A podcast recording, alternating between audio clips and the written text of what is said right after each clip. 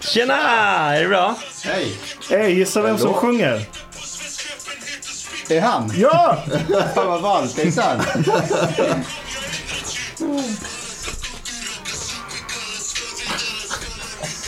Jävlar! är det någon slags svar till Yasin eller? Nej, men det här är från när Ghana... Nej, jag behöver inte spela hela.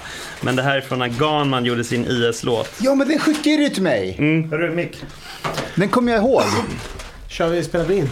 Ja. Ja. Men fan, spelar du in det här? Ja, vi spelar in allt. Fucking hell. Vad händer här?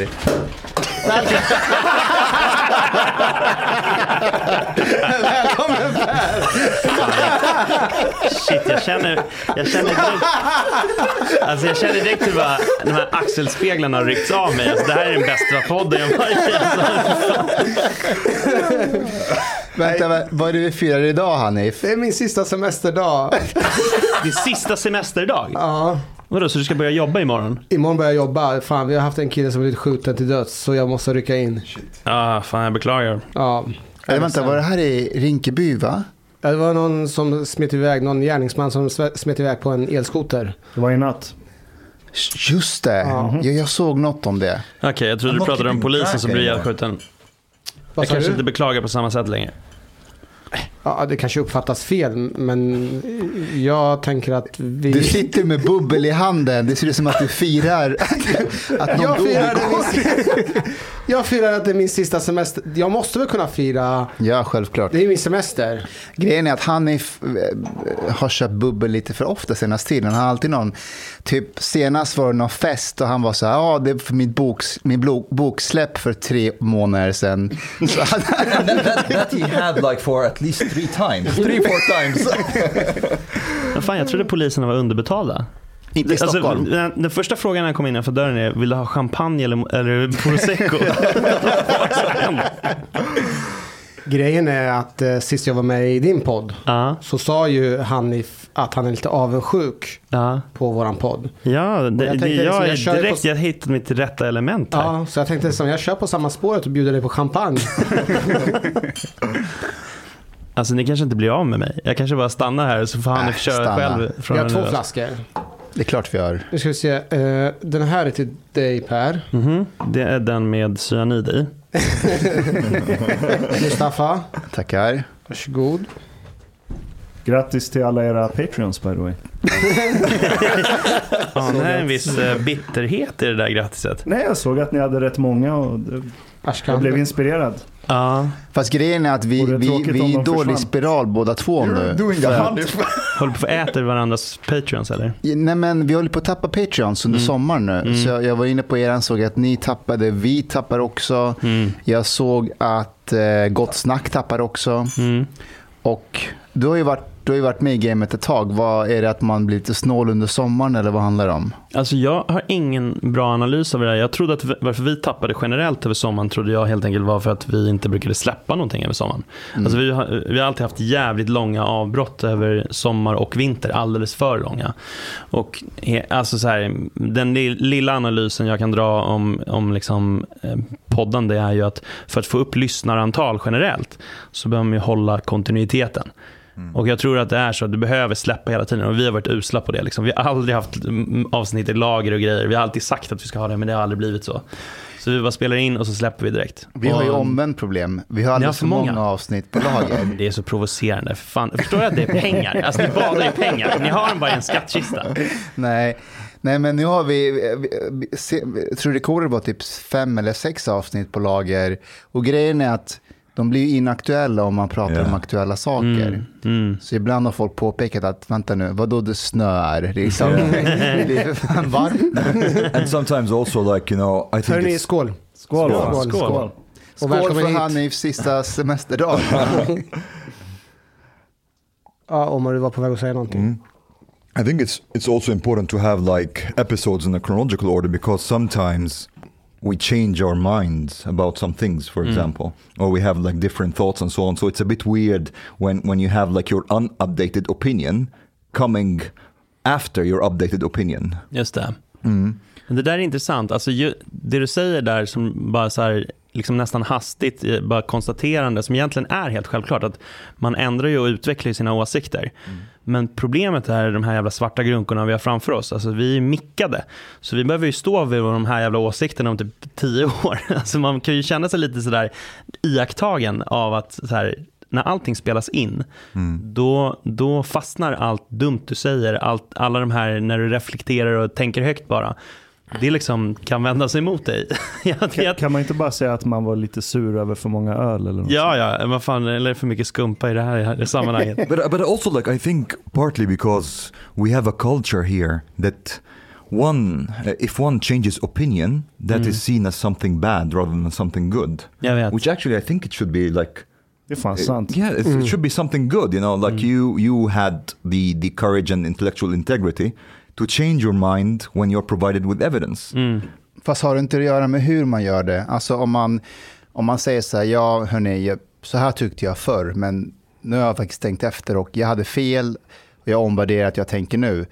Jag tror att det som många irriterar sig på det är att man doesn't går ut, admit nej, men man går ut och säger så här, men så har jag alltid tänkt.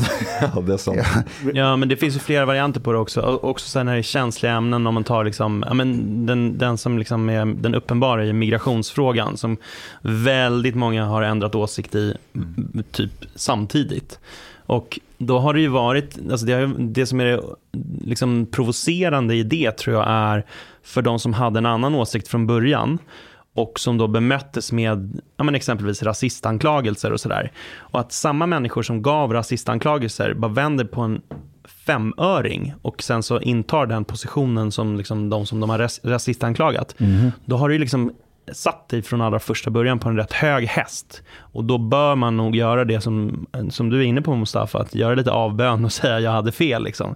Men om man inte gör det, då är det liksom, nej det, det duger Men, liksom inte. men jag undrar varför man inte gör det. Är det för att, och, och eh, då kanske det är ett problem att, att, att göra avbön kanske inte heller går hem. Att folk säger, ja hycklare I ändå. was just wondering the same thing Mm. Vet du vad jag tror det kan också bero på? Att jag tror att, nu vet jag inte hur det är i alla andra länder, men en grej jag har märkt här i Sverige, det är att många går runt och är typ åsiktsprenumeranter. Ja. De hittar två, tre personer och bara, ah, men deras åsikter, de ska jag prenumerera på. Och så inkorporerar du hela deras åsiktspaket in i din egen skalle, för du orkar inte tänka själv. Mm. Eller sätta dig ner och tänka så här, varför tycker jag så här överhuvudtaget? Mm. Så när en av dina åsiktskranar eh, liksom ändrar sig, då blir du jävligt lack. För du säger, fan jag har ju gått och basunerat ut dina åsikter i ett år nu, nu ändrar du allting. Så nu fuckar du upp min identitet. Så jag tror det ligger någonting i det också. Att Det här är ju du och jag pratat folk. om mycket, Mustafa. Alltså att, att eh, det finns en viss typ av följare som tror att när man har en podd så är man, liksom, då är man satt att utföra arbetet att, att liksom basunera ut deras personliga åsikter. Och för de tycker att så här, i avsnitt ett så sa Per som jag tycker, i avsnitt två så sa Per som jag tycker, i avsnitt tre så sa inte Per vad jag tycker. Då har Per misslyckats. Vad fan, vad what's liksom- wrong with him Ja.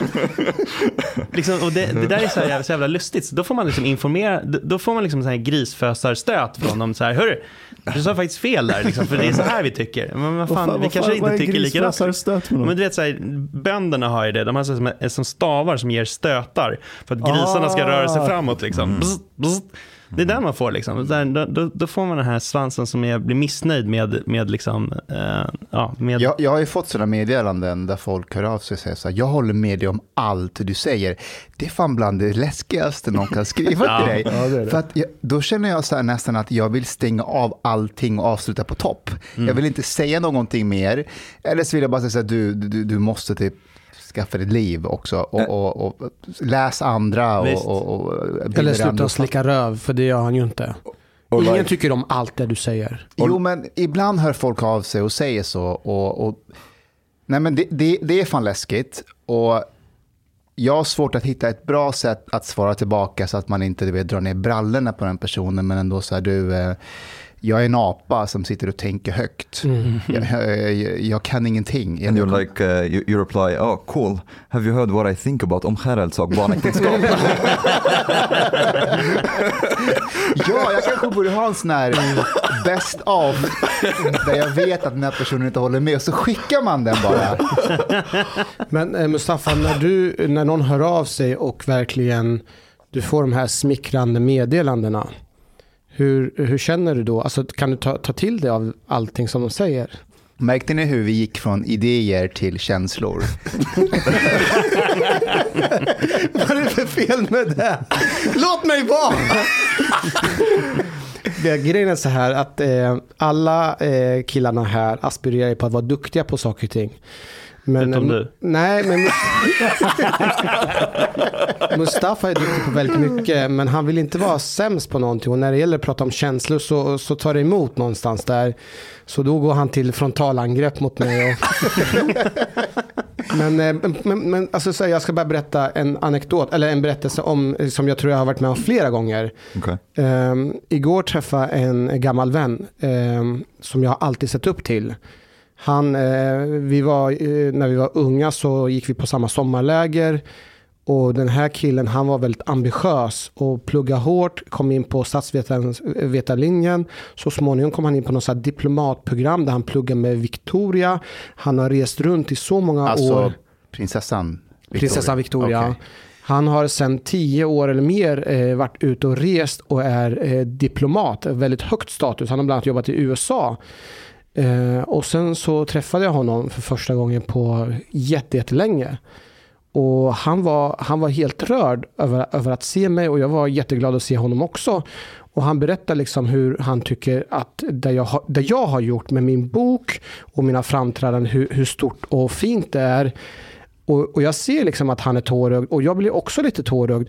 Men jag har bara så jävla svårt att ta emot eh, hans kärlek. Och jag blev själv faktiskt på riktigt väldigt, väldigt ledsen över det. Så jag blev verkligen jätteledsen över att när någon försöker berätta någonting jättefint till dig om dig, att du har gjort och vad, de har, vad det har betytt, att du inte du kan ta emot det. Så då, jag tänkte om ni har liknande problem. Jag undrar om inte det är någon sundhetstecken. alltså, nej men på riktigt. Skoja inte bort det här nej, nu. jag, jag, Ja. nej, jag menar allvar. Jag menar Varför allvar. skrattar du? Nej, därför att det kanske är bra att man inte tar emot det helt med öppna armar. För eh, okej, så här, min rädsla är att, om- att om jag bara tar emot det så kommer jag sluta försöka anstränga mig mer och bara fan, jag, jag, jag är typ klar.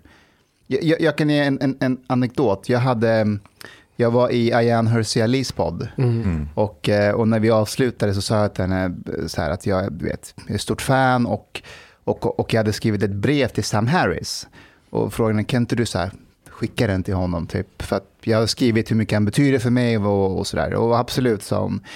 Så fick jag inget svar. Eh, men jag har typ lite kontakt med, nu namedroppar jag, Douglas Murray. Eh, Så jag hörde av mig till honom och bara, så nu när jag ändå är igång, skicka det till honom också. Och han bara, självklart, jag fixar det. Då fick jag ett svar av Sam Harris. Nej, wow. Wow. Ja, När? eh, typ någon månad sedan. Shit! Och, eh, och han skrev typ, eh, thank you, typ det värmde. Stop sending me letters. I don't like Muslims. Ehm, nej men och, och, och, och, då, och, och det slog mig att så här, hur många mejl har inte han fått? Där folk bara så här, du har hjälpt mig, du har hjälpt mig Right. att bli ateist, eh, du har fått mig att säga sanningen. Om han bara, liksom, nu, nu vet jag inte hur han gör i och för sig, men eh, jag tror att om du bara tar emot allt det här alldeles för mycket, då blir det som den här amerikanska pastorna, du vet, de här svarta pastorna som preachar för folk, eller vita för den delen, så sitter de i så här jetplan och åker och preachar och eh, tycker att de ska ha allting, typ. But you know that happens even with like Buddhist gurus. Quite often, like when they when they they are being like revered that much by their followers and so on, they can get like really cuckoo and they och get like narcissists and like they they had there's a big problems with several of them, for example, who uh, manipulate and abuse like women uh, and so on among their their students. And stuff like that. So hopefully he, he Nej, men do det Men jag, men jag förstår inte, alltså så här, för grundpremissen för frågan är ju ja, men fullt rimlig. Så här, hur mycket av eh, komplimanger och kärlek och så vidare ska man ta till sig och hur mycket ska man bara liksom så här, äh, det var väl inget. Men jag menar vadå? Du stod i tårar. Hur Mm. mycket mer känslor kan man visa? Eller Ja, liksom, det kanske är sant. alltså du tog ju emot det. det kan aldrig bli för mycket känslor. Men Per, du borde få jättemycket meddelanden. Nej, det, det är mest hat. jag har aldrig gråtit. Nej men, nej men alltså, nej men det är ju så här att vi får eh, mycket reaktioner på, eh, på när vi släpper och sådär. Och jag är nog så att det fastnar ganska mycket i filtret. Mhm. Alltså, jag, eh, jag tror att jag tar, eh, det gör man väl till mans, men jag tror att jag tar, tar till mig mer av negativ kritik än av positiv kritik. Mm. Men jag jobbar med att inte ta till mig så mycket av något av det. Mm. För att jag har, liksom, sen egentligen vi började med podden, så har jag alltid haft ambitionen att inte låta mig styras och påverkas av liksom, lyssnarreaktioner. Alltså, det är skittrevligt med lyssnarreaktioner, don't get me wrong, men det är så här, om, om vi ska göra någonting som vi tror på så måste det på något sätt vara sprunget ur det, vad vi tror på, inte liksom att vi låter oss regisseras för mycket. Mm.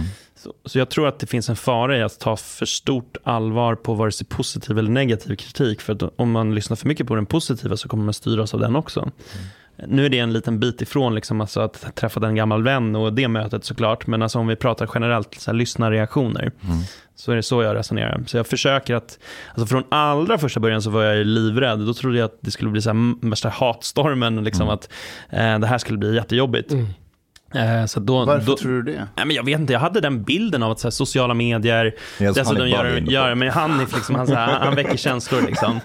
Eh, men så jag hade bilden av att så här, nej, men det här kommer vara jävligt blåsigt. Eh, och, då, och just för att jag inte skulle bli påverkad då, så avstod jag från att läsa någonting i princip.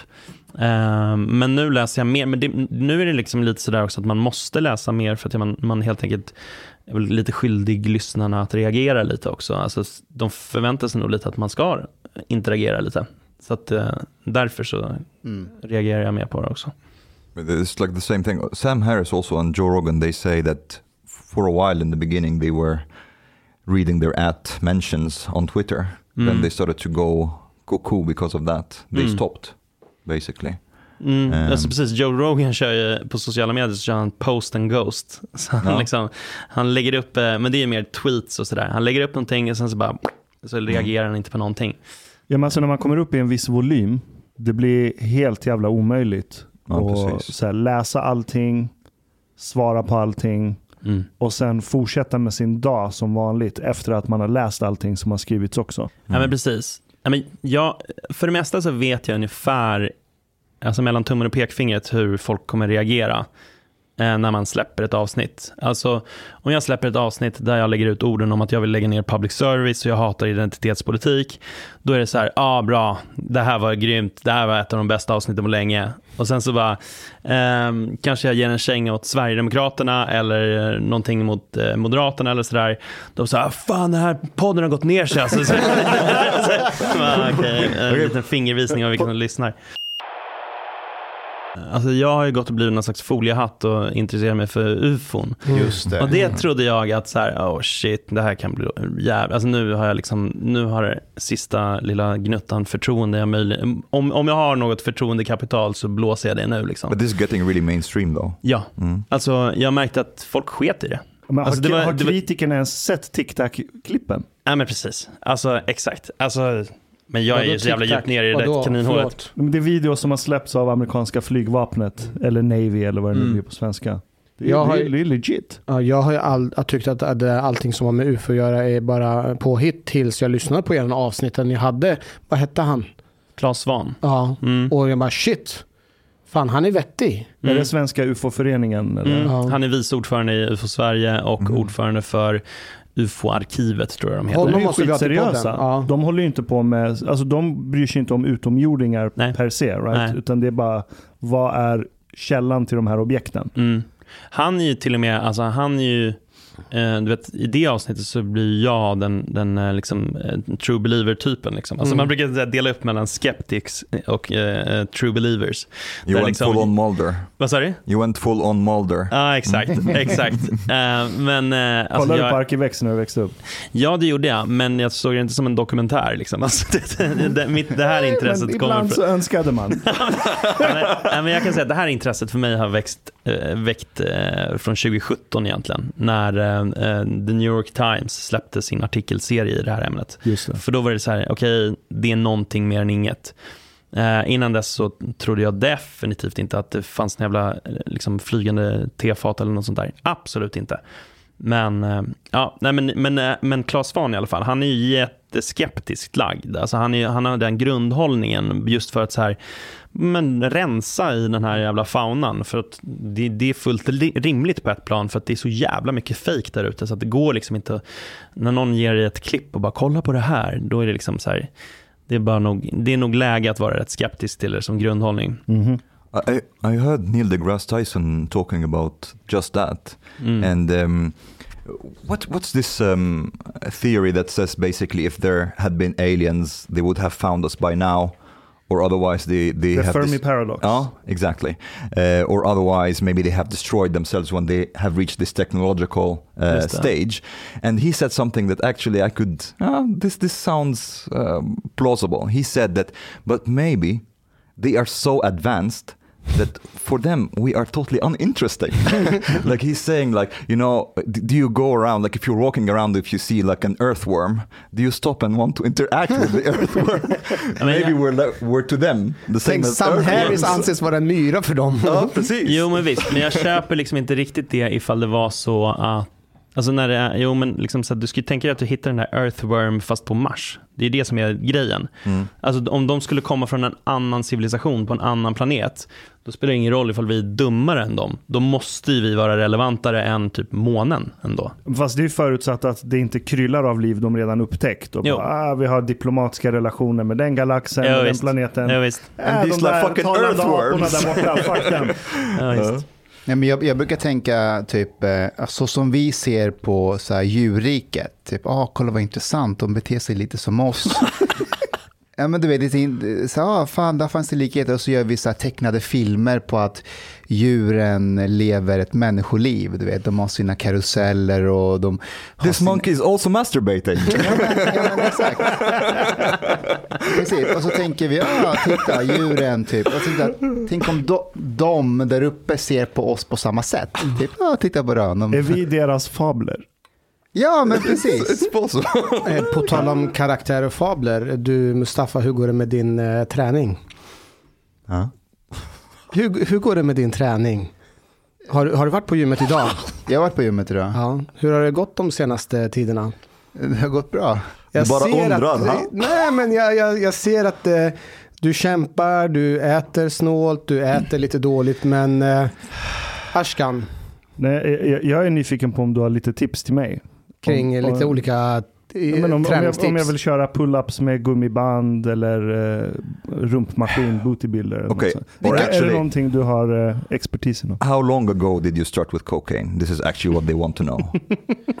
Vad är det som händer? Det känns som att jag umgås så mycket med min tjej och jag har inte varit med dem. Så det känns som att de det är en seriös fråga, hur går det med ditt gymarbete? Hur går det på gymmet? Och hur går Det det, går bra, med pull-ups med gummiband? Where do you get your cocaine from? Nej, det är Har han sagt att jag kör pull-ups med gummiband? Nej, nej. För det gör jag. Nej, men för det, det, det gör jag. Men jag, jag, jag, jag Ja. kan säga så här, att köra pull-ups med gummiband, det är främst kvinnor som gör det. är inget fel med det. det är inget fel med det. Däremot den här bootybuilder, eller vad heter det? Ja, den här man... Eh, alltså den heter ju faktiskt så här, om man vill få en hockeyröv. Vet, vet du vad det är? Du vet, man, man lägger en stång på höften och så... går Nej, man nej, nej, nej, nej, det är inte den vi pratar om. Det är den här gynekologstolen. Jaha, det är den där man gör så. Tränar du gynekologstolen? Ja, det gjorde jag faktiskt sist. Nej, men, eh, Varför? så, så här, Är det Ida som har... ljumskarna. Är det Ida som Nej, har... det är det inte. Men det är för ljumskarna. Det, man Men, glömmer men bort. vad är, vad är det? Blygdnäppsträning? Nej, men man sitter, man, alltså, eh, fan, den är skitsvår, men du har liksom motstånd och så trycker du in eh, Varför? Or benen. like, but the, or the other way around also. Ja, men, there. Mustafa, det, det är så här det ligger till. Vi är lite oroliga för din hälsa. För att du har tappat rätt mycket vikt på väldigt kort tid. Så vi, vi har planterat en mullvad på ditt gym. Så vi får lite rapporter då och då om hur det går för dig där, och hur du mår och hur Ja. du beter dig mot de andra gymkunderna. Ashkan, berätta om senaste rapporten. Ja, Jag tänkte läsa upp senaste rappor- rapporten så får du gå till svarsmål på det helt enkelt. Eh, uppdatering kring Mustafas gymvanor 3 juli. Eh, han cirklar fortfarande runt och drar i lite kettlebells och kroppövningsmaskiner. Är han rädd för de fria vikterna? Någon, någonting måste ha hänt. Satt i lårcurlsmaskinen och pratade med på mobilen samtidigt i hörlurarna. Någon tappade en vikt som rullade iväg mot Mustafa och han gav den skyldige en riktigt modisk blick. Kanske Norrmalmspolisreflexen. Han pratar omskär som är Nerverna på utsidan. Det här låter som en falsk mullvad. Eh, det, den är inte falsk. Okej. Nej men vadå? Jag, jag tycker att jag sköter mig. Går det bra? Det här, det här är en falsk vad, men allt detta har hänt. Men är du nöjd med resultatet? Han är, vad, vad, vad, vart vill du komma? Jag vill bara höra dina svar. Ja, men jag är nöjd. Jag, Är du nöjd? Jag, jag mår bra. Jag, eh, det känns som att jag har typ ätstörning. Jag försöker förklara för dig att jag inte har. Mm. Ser, ser jag ut att må dåligt Per? Jag vågar inte svara. Jag, jag, jag, jag känner att bör- by- liksom det har skapats läger i det här rummet. Jag, vill liksom, jag, har, inte riktigt, jag har inte riktigt navigerat ännu vem som är den starkare i parten. Vilka som kommer vinnande ur det här. Hörru, Jag, tror, fett jag god håller, håller på. Omar och hans kokainspår där borta. Give me some more. Um, I know you are a bit nervous that I'm here, but I promise not to try to fuck you. Men det var jävla otippat ändå att Omar, alltså det dröjde väl fyra minuter innan Omar började prata sex liksom. Alltså det, det, det här är en man som liksom upptäckte sex vid 32 års ålder. Och så här, bara, men han, han, så här, han, fan, han har fan hunnit ikapp liksom sen dess. Så att det här, allt som andas. 21. Yeah, Okay. I just want to say. But uh, you, you called me. and, uh, wh- what I'm like a bit disturbed about is that you könsbestämt mig. this, is, this is the whole thing. Ja, In good tone you call me nymphomaniac. just det. Mm. Ja, so a nymfoman. nymphomaniac is, is a woman who has excessive or uncontrollable sex desire, sexual desire. Ja, I'm not a nymphomaniac, I'm a satyromaniac. just det, som är det manliga Vad- vad motsats. heter det? Eller motsatt. Satyromaniac. Saturomania. Ja. Just det.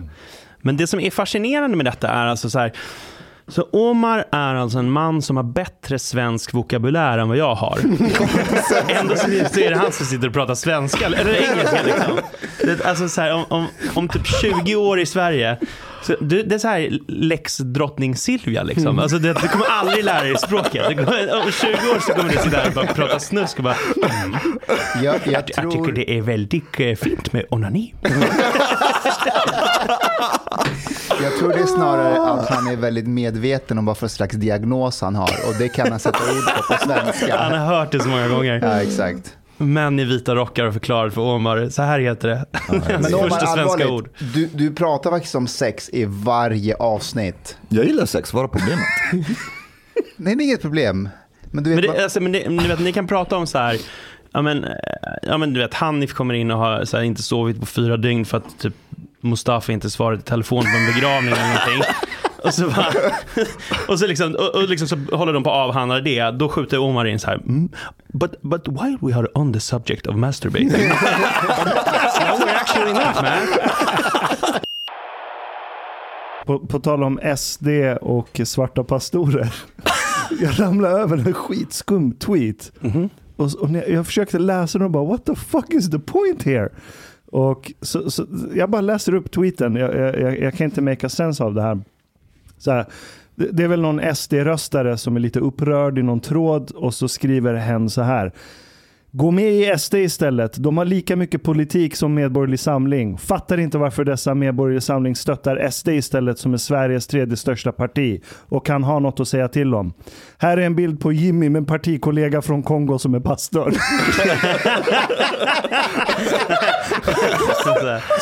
Bild och Jimmy bredvid en pastor från Kongo. alltså, what? Men det är så här, mota Olle i grind för alla eventuella rasistanklagelser. Liksom så här, nej, nej, nej, kolla det. Har du sett den här bilden på honom med en svart man? Men vad är det för liv där du hela tiden måste ha en bild bredvid en svart pastor från Kongo redo? Ja, men det är som så här, amerikanska presidentskandidater som måste kyssa bebisar på pannan. Du vet, så här. SD måste bara säga, okej, okay, men vi är liksom av kött och blod, vi kan liksom vistas i samma rum som en svart Grejen är man. att alla kan ju leka den här My Black Friend på, på ett så här bra och osynligt sätt så att det inte märks. Men de kan ju inte det. Eller, eller hon kan De är inte det. fett osmidiga. Det är verkligen så här, här är en svart man och här är Jimmy.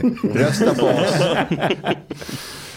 Lämnade inte han SD på grund av rasism? Mm. Den här snubben lämnade ju SD sen. Did you say that Jo. got han back? pastorn? Ja, han kom, Ja, han kom alltså det var en svart snubbe som var med på bild på, med Jimmy. Mhm. Sen var han på något SD-sammanhang senare, för han var ju med i partiet. Och så var det någon som sa en ordet till honom och så, då lämnade han på grund av rasism. Okej. Men han är tillbaka nu. Nu är han tillbaka. Japp. Fan, känslorna på utsidan ändå. Alltså jag tycker kanske inte att man behöver döma ett helt parti för det är någon som på en jävla fest har surnat till, eller vad det nu heter, these days. och säger ett olämpligt ord. Det kanske man inte behöver döma hela partiet. Å andra sidan så, om man nu dömer hela partiet, vad fan fick honom att gå tillbaka? Men lite rasism kan det hugga i mig ändå liksom. Ja, alltså så här, nej, hela SD är inte rasister. I fucking get it. Ja. Men jag tror det är fler rasister som dras till SD än många andra partier. Ja, men det tror jag också. Och det är inte så kontroversiellt i, i mitt huvud. Nej, det tror jag också. Men det där, är- det där är men, men jag skulle ändå säga att det är, alltså jag har väldigt små problem med liksom samarbeten med SD och jag har väldigt små problem med att, alltså jag var, jag var på en, eh, jag var faktiskt på en fest där Jimmy var. Eh, jag har ju liksom noll problem med det. Ja, samma här. Eh, så här, så liksom, men med det sagt, precis som du säger, så ja, de, de drar ju till sig fler rasister än övriga partier. Det är jag rätt säker på. Eller den sortens rasister. Sen så finns det den här liksom vänsterrasismen där man liksom... Såklart. Ja. But is it not? Is it necessarily their fault though? Jo, alltså jag skulle det säga är att deras, vadå, deras historia talar väl sitt tydliga språk. Alltså det är väl det som är grejen. Det är en ganska så här litet steg att ta. Alltså för en rasist att, ja men det blev SD. Alltså inget parti har ju så många stories där medlemmar blir uteslutna i närtid där på grund av olika saker de säger. Och SDs förklaring är att ja, men vi granskas hårdare av media jämfört med andra partier. Men grejen med de här storiesen är att det är inte journalister som har grävt fram dem. Det är de här personerna själva som skriver saker Ja. på Twitter, på Facebook, som bara läcker ut. Ja. Inte minst av deras egna medlemmar för de har olika tjafs inom partiet och så Just. säljer de sina liksom, partikollegor till media. Så nej, jag skulle säga att, att media, sure, de granskar dem absolut, men de sitter inte i varje hörn och letar, utan det bara kommer. But, but I men mean, like, is this something like partiledningen is is kind of like wants, or do they see it as something problematic? Alltså De ser det kommer ut. definitivt som problem. No, that that there are people who are racist within SD.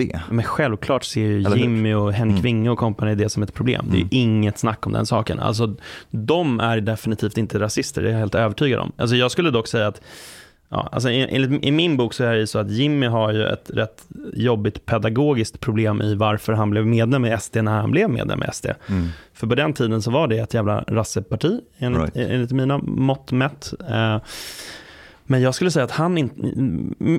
Liksom min, min best guess är att han med god marginal inte är rasist och att partiledningen inte är rasister och att det är en jävla huvudvärk för dem att det här är så närvarande fråga att vi nu igen sitter och pratar om den. Liksom. Jag tror att det bara är ett problem för dem. Eh, och inte minst är det ett stort problem för dem eftersom att de vill samarbeta med andra partier. Alltså det är dels att du har den uppenbara problematiken att det här är ett ett, eh, det är ett liksom ganska ungt parti i, liksom de, i de eh, möblerade rummen om man så säger.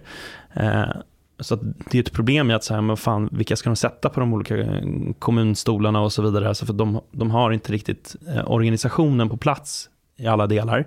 Så då finns det en massa såna här ägg som kommer fram och som säger en massa saker när de blir eh, fulla eller, eller när någon tjuvfilmar dem eller när de bara är i en jävla hemlig Facebookgrupp eller någonting. Liksom. Det är det ena problemet. Men det andra problemet, alltså rent för dem, för dem själva helt enkelt. Men det andra problemet är ju samarbetsmässigt. Alltså, det blir ju sjukt svårt för dem att liksom eh, det, blir, det blir svårare för andra partier att kunna samarbeta med dem när de har en massa sådana företrädare. Och därför så har ju de behövt vara så här, ja men eh, vi har nolltolerans och vi ska göra en vitbok och massa sådana grejer som kanske sen inte riktigt har hållits. Men det är det som är problemet för dem.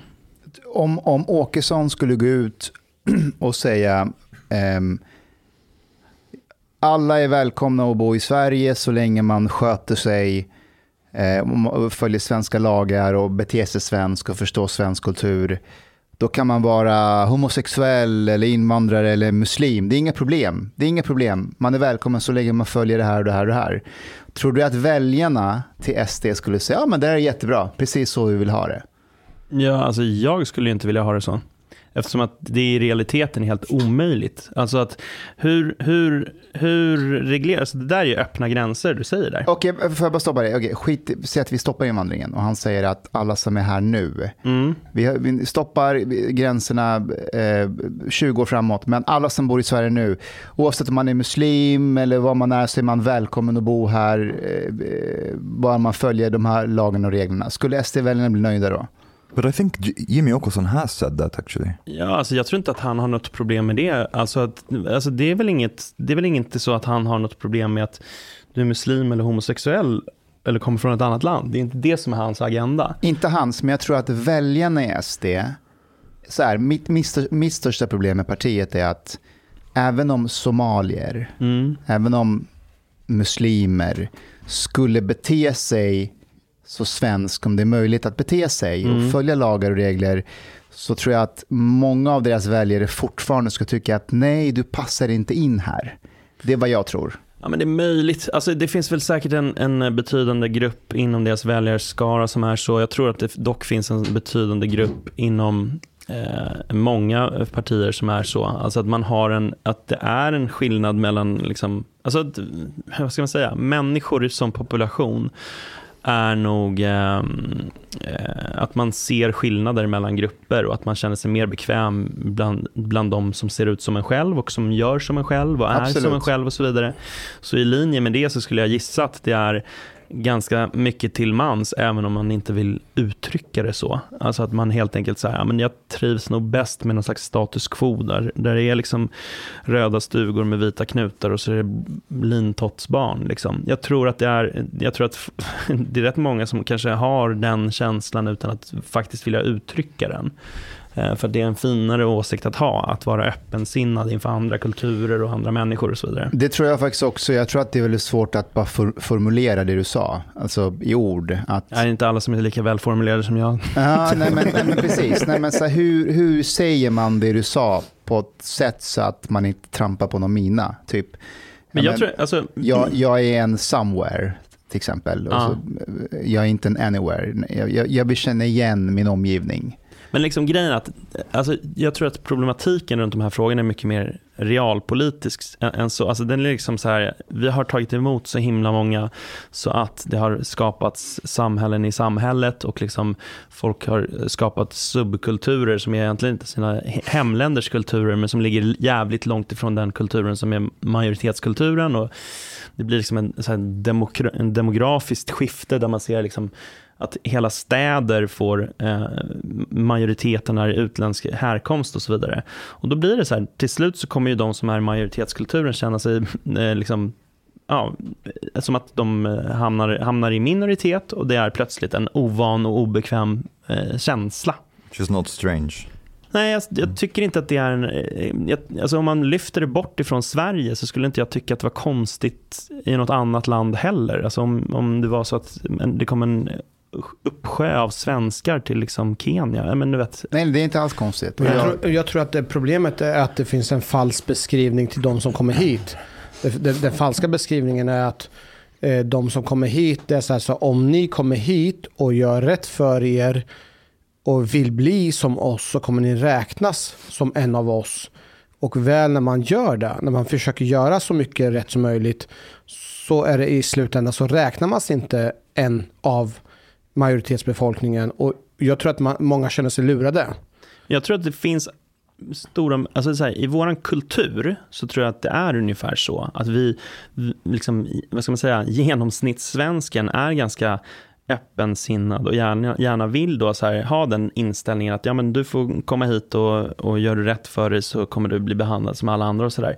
Men saken Men, är så här, men däremot de- så det innebär som- inte att du är en av oss. Ja, men det skulle det kunna Den detaljen är Ja, fast det, viktig. skulle, det skulle det kunna bli ifall det var på en sån, alltså att det är så få som har kommit så att de blir en av oss. Jag menar, jag har väl massor med människor som är mina vänner som är av utländsk härkomst. Det är ju, eh, nu, nu är inte jag en liksom representant för hela svenska folket, men det är ju inte, det är inget konstigt i det. det är ju, han, de är ju en av oss liksom. Men vad menar du med en av oss, Hanif? Det, Alltså, jag- men jag menar- jag menar skjuta in att ja. alltså, det som är grejen är ju däremot så här att när det blir getto, gettosamhällen, alltså vare sig du är en del av liksom den kriminella gettot eller ifall det bara är så att du bor i, ett, i, i en stadsdel eller så där det är 100% invandrare, då kommer du aldrig bli en av oss eftersom du träffar ingen annan än en av dem. Alltså förstår du vad jag menar? Då, då är det ju en omöjlighet redan i konst, grundkonstruktionen. Då har det blivit så många så att det blir att du bor i en, i en cell som liksom inte interagerar med övriga samhället. Och det handlar inte om att någon är eh, nödvändigtvis eh, liksom, eh, eh, vad ska man säga, negativt inställd till dig som individ, utan det handlar om att era vägar aldrig korsas. Nej, Men alltså, ma- ma- majoritetskulturen blir till och med främmande när man stöter på den. Yeah, Yeah. but the thing is, like, also segregation is, is a huge problem. When I when I when I uh, went to schools to to hold workshops about like on uh, on their culture and so on, and I talked to students. Uh, sometimes I was really shocked because I, I've met like students who come from Syria who have been living here for like six years, but they they haven't like they are geographically in Sweden but not culturally at all. Like the whole class was people from Syria, students from Syria. Th- their teacher was from Syria, Yeah. and they live in a like segregated neighborhood uh, were basically just Arabs. Uh, so for them, they have been living in their home country for six years in Sweden. Och det handlar inte om att de är ovilliga att ta till sig av den svenska kulturen eller att svenskar är ovilliga att inkludera dem i den svenska kulturen. Jag tror att det handlar om en ren numerär fråga. Alltså när det blir för många så kommer det där bli effekten och då, då, då mixas det aldrig. Liksom. Alltså de, de har ingenting att nötas mot. Det, det är ju sant att det numerära är ju en aspekt, men jag vill tro att det finns ändå någonstans en, om jag får vara lite fräck och säga att det finns en, i många sammanhang så finns det också en eh, svensk överlägsenhet kring att vi är så mycket bättre. Så att av det ni har och er kultur och vad ni har att erbjuda så finns det ingenting som är intressant för oss. Nej men har ni ABBA då? Jag skojar bara. okay, but, but actually, Fast det här är roligt för ABBA var ju typ aldrig älskade i Sverige när de var som störst. Det var ju typ utomlands de älskade ABBA. Det är sant. Svenskarna började uppskatta, uppskatta ABBA långt senare. Ja, men det var ju bara för att det var för, för eh, kommersiellt och glättigt. På den tiden så var ju alla så här, ja man rakar sig inte under armarna, gröna vågen och ska liksom, ja, det var ju flummare på den tiden. Äh, vem är din favorit i ABBA? Du, jag kan inte namnen på dem, men Björn och. Björn och Benny, och Björn är väl den som liksom såg ut som att han hette Benny och tvärtom. Det var ju Mm, Fredrik exakt. Lindström som sa det från början, men sen så Ja. skaffade båda skägg så det var helt omöjligt. Eh, Sen Men, har Angfrid Lyngstad och sen så har du Agneta Fältskog. why am I not surprised at all that Hanif like is really into ABBA and like Jag knows? älskade, alltså jag har, eh, jag har inte berättat det, för när jag var lite yngre, jag lyssnade på ABBA jättemycket. Alltså i militärbasen i Irak. Innan dess. jag Men vilken av dem är det som är safiare och skänkte massa pengar till Björn. Gudrun Schyman? ja, just det. Men det, är han som, ja, men det är väl han som Jaha. har den här ön i Djursholm, eller, vid Strandvägen på, i Djursholm. Fast nu, vänta nu, när jag säger Björn, jag vet att de ser, Björn är ju den Björn är ju inte den som ser ut som Björn. Det är den, Benny som ser ut som Björn. Just det. Men jag tror att det är Björn Ulvaeus. Ja. Det är han som har typ skänkt 100 000 till Gudrun Schyman som de brände på eh, Almedalen. Vad- vad- hur mycket är 100 000 för Björn från ABBA? är det typ, är det en Piggelin? Har vi Magne Piggelin? Mandel. Nej, jag tror fan det är en Piggelin. But that to generalize a little bit, talking about uh, different cultures and so on, would you say that there are some cultural traits, let's say from the Middle East and so on, that are on average better than the stereotypical cultural traits in Sweden for Swedes? Alltså, nu, sådana här frågor blottlägger ju bara min okunskap. Men jag skulle väl säga, utan att liksom specificera eh, Mellanöstern eller någon del av Mellanöstern, så kan man väl säga så här att... Säg inte hummus nu. Nej, nej, men alltså, precis. Men, men alltså så här, nej, men jag kan ändå tycka att det finns någonting rätt märkligt i hur vi, varsågod. eh, vi ganska på, på många sätt är vi kollektivistiska, men på vissa plan är vi väldigt individualistiska. Och Det gäller exempelvis vår, liksom, vår syn på familjen och sådär. Alltså hur man tar hand om eh, eh familjemedlemmar som blir äldre och så. Där, eh, jag kan tycka att vi har ganska mycket att lära av andra kulturer i den delen. Alltså att man, man eh, stånkar och suckar när man ska hälsa på sin gamla morsa som sitter och ruttnar på ett hem någonstans. Mm. Ehm, Det är ju en del av den svenska kulturen som jag kanske inte skulle vilja åka runt som ambassadör och hålla powerpoint-presentationer om. Liksom. Mm, okay. Det gör de i alla mellanösternkulturer också. I want to tell us-. Får, jag bara tillägga om det där med Aha. eh, alltså, synen på, på äldre och familjen. Jag- Alltså, jag, har, jag har ju också oftast det där hur man tar hand om de äldre, men men jag vågar ändå påstå att för att komplicera det lite, alltså i till exempel Afghanistan och många andra kulturer, de äldre blir ju oftast en belastning för familjen. För att det förväntas av alla att du ska ta hand om Mm, din pappa, mamma, morfar, farfar. De ska bo i samma hem som dig. Mm. Eh, ja, Det var Ashkan som ville ha lite prosecco. ja. Vet, de ska bo hos dig tills, tills de dör i princip. Och, och, det- och det försvårar ju för du vet om, om båda jobbar eller en jobbar. En måste hela tiden ta hand om mamman eller pappan eller farmor.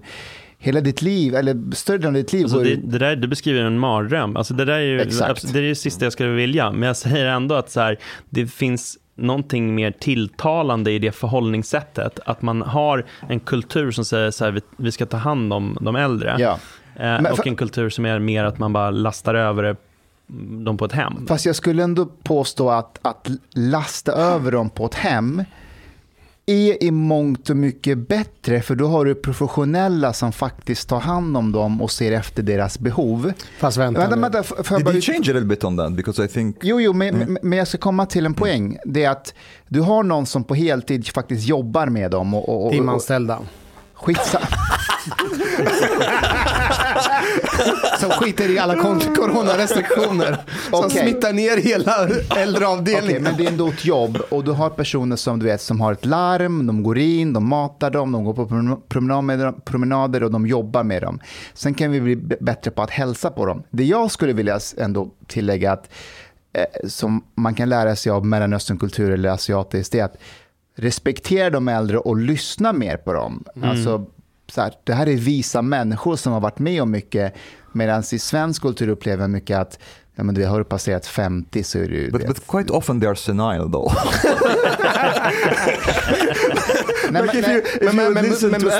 Mustafa- har en riktig poäng, viktig poäng. För framförallt är det liksom när man har jobbat väldigt länge inom vilket yrke som helst och du är liksom senior, du besitter ju enorma yrkesskickligheter.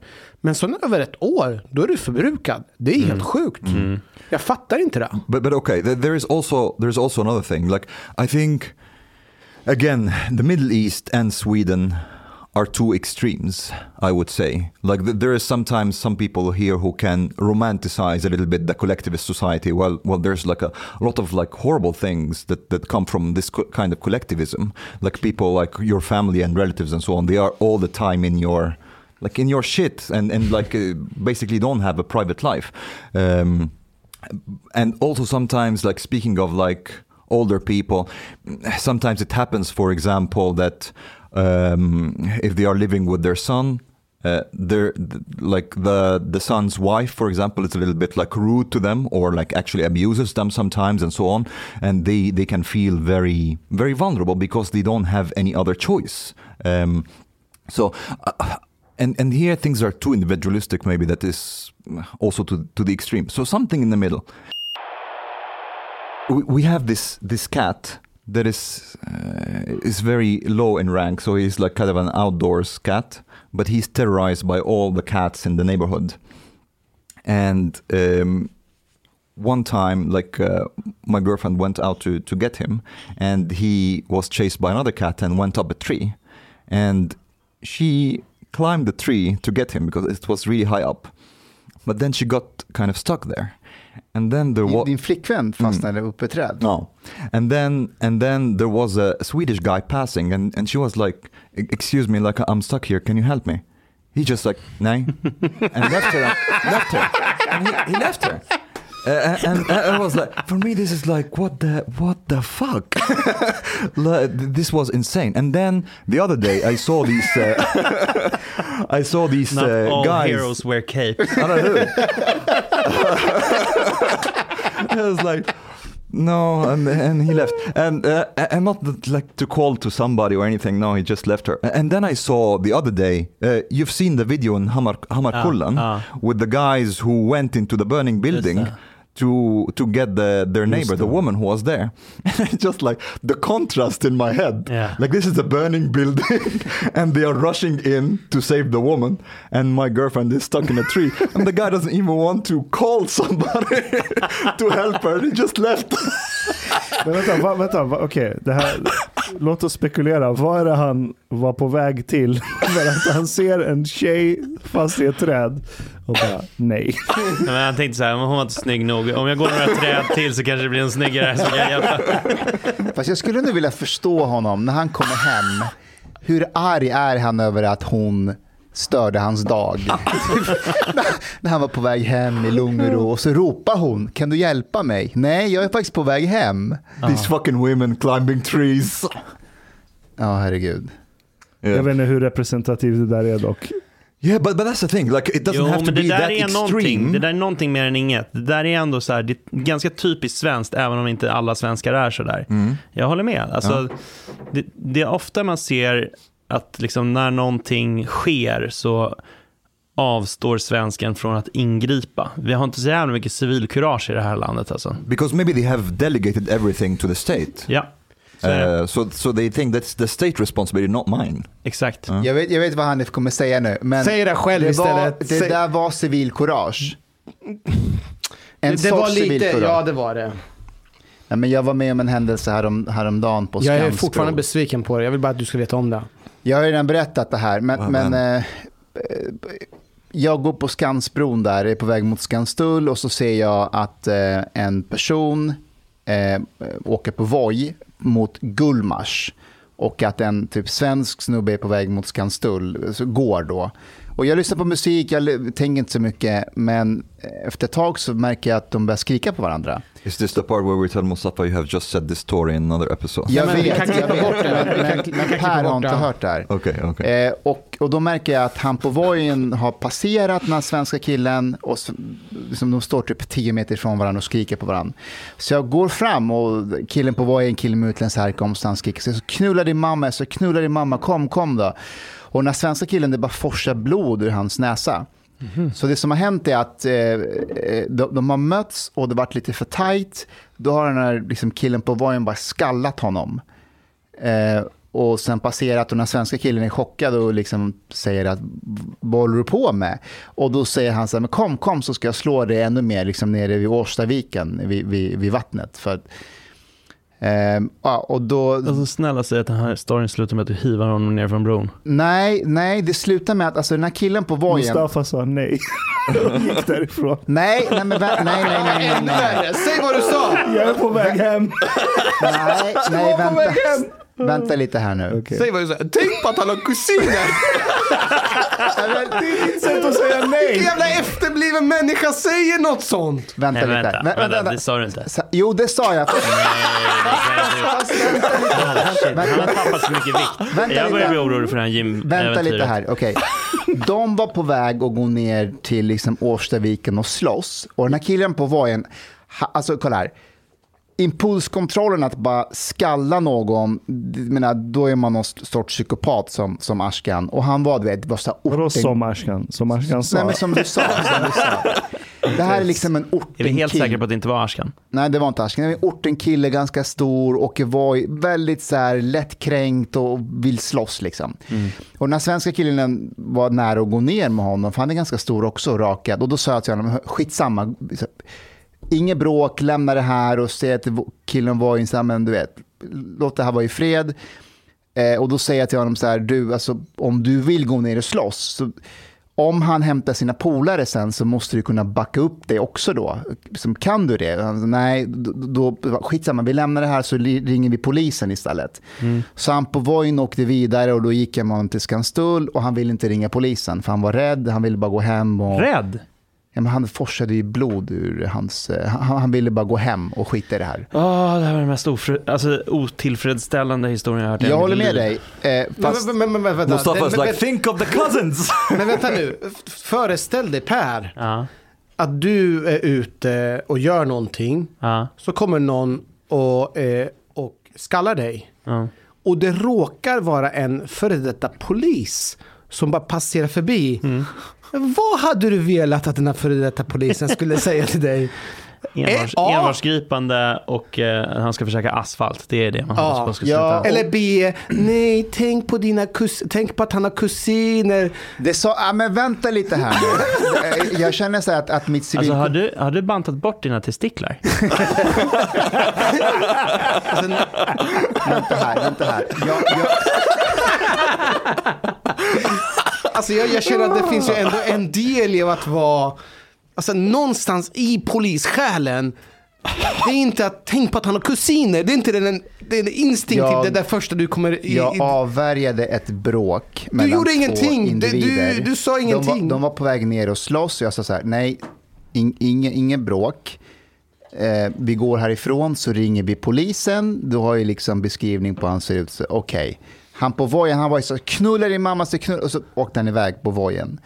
Sen när vi går så, han vill inte ringa polisen. För han så, det jag, fattar jag inte heller alltså. Vill, han, han ville bara gå hem, han ville inte ha trubbel, han ville bara glömma det här och vara i fred. Jag kan inte fatta det. Alltså, jag fattar att man, jag fattar om han eh, blir rädd av att en snubbe skallar honom och att han då bara backar ur den situationen. Det hade förmodligen jag gjort. Jag är inte en snubbe som liksom börjar slåss i det läget. Jag, jag hade blivit livrädd liksom. Men att när situationen har lugnat ner sig så mycket så att den här snubben på vojen har rört sig lite bort och du har liksom lugnat ner situationen. Varför ringer man inte polisen då? Okej, okay, varför, varför, tror du att man inte ringer polisen? Men kanske för att man, alltså så här, på ett generellt plan varför man inte polisanmäler är väl för att man tror att det inte ska leda till någonting. Mm. Det är en generell anledning.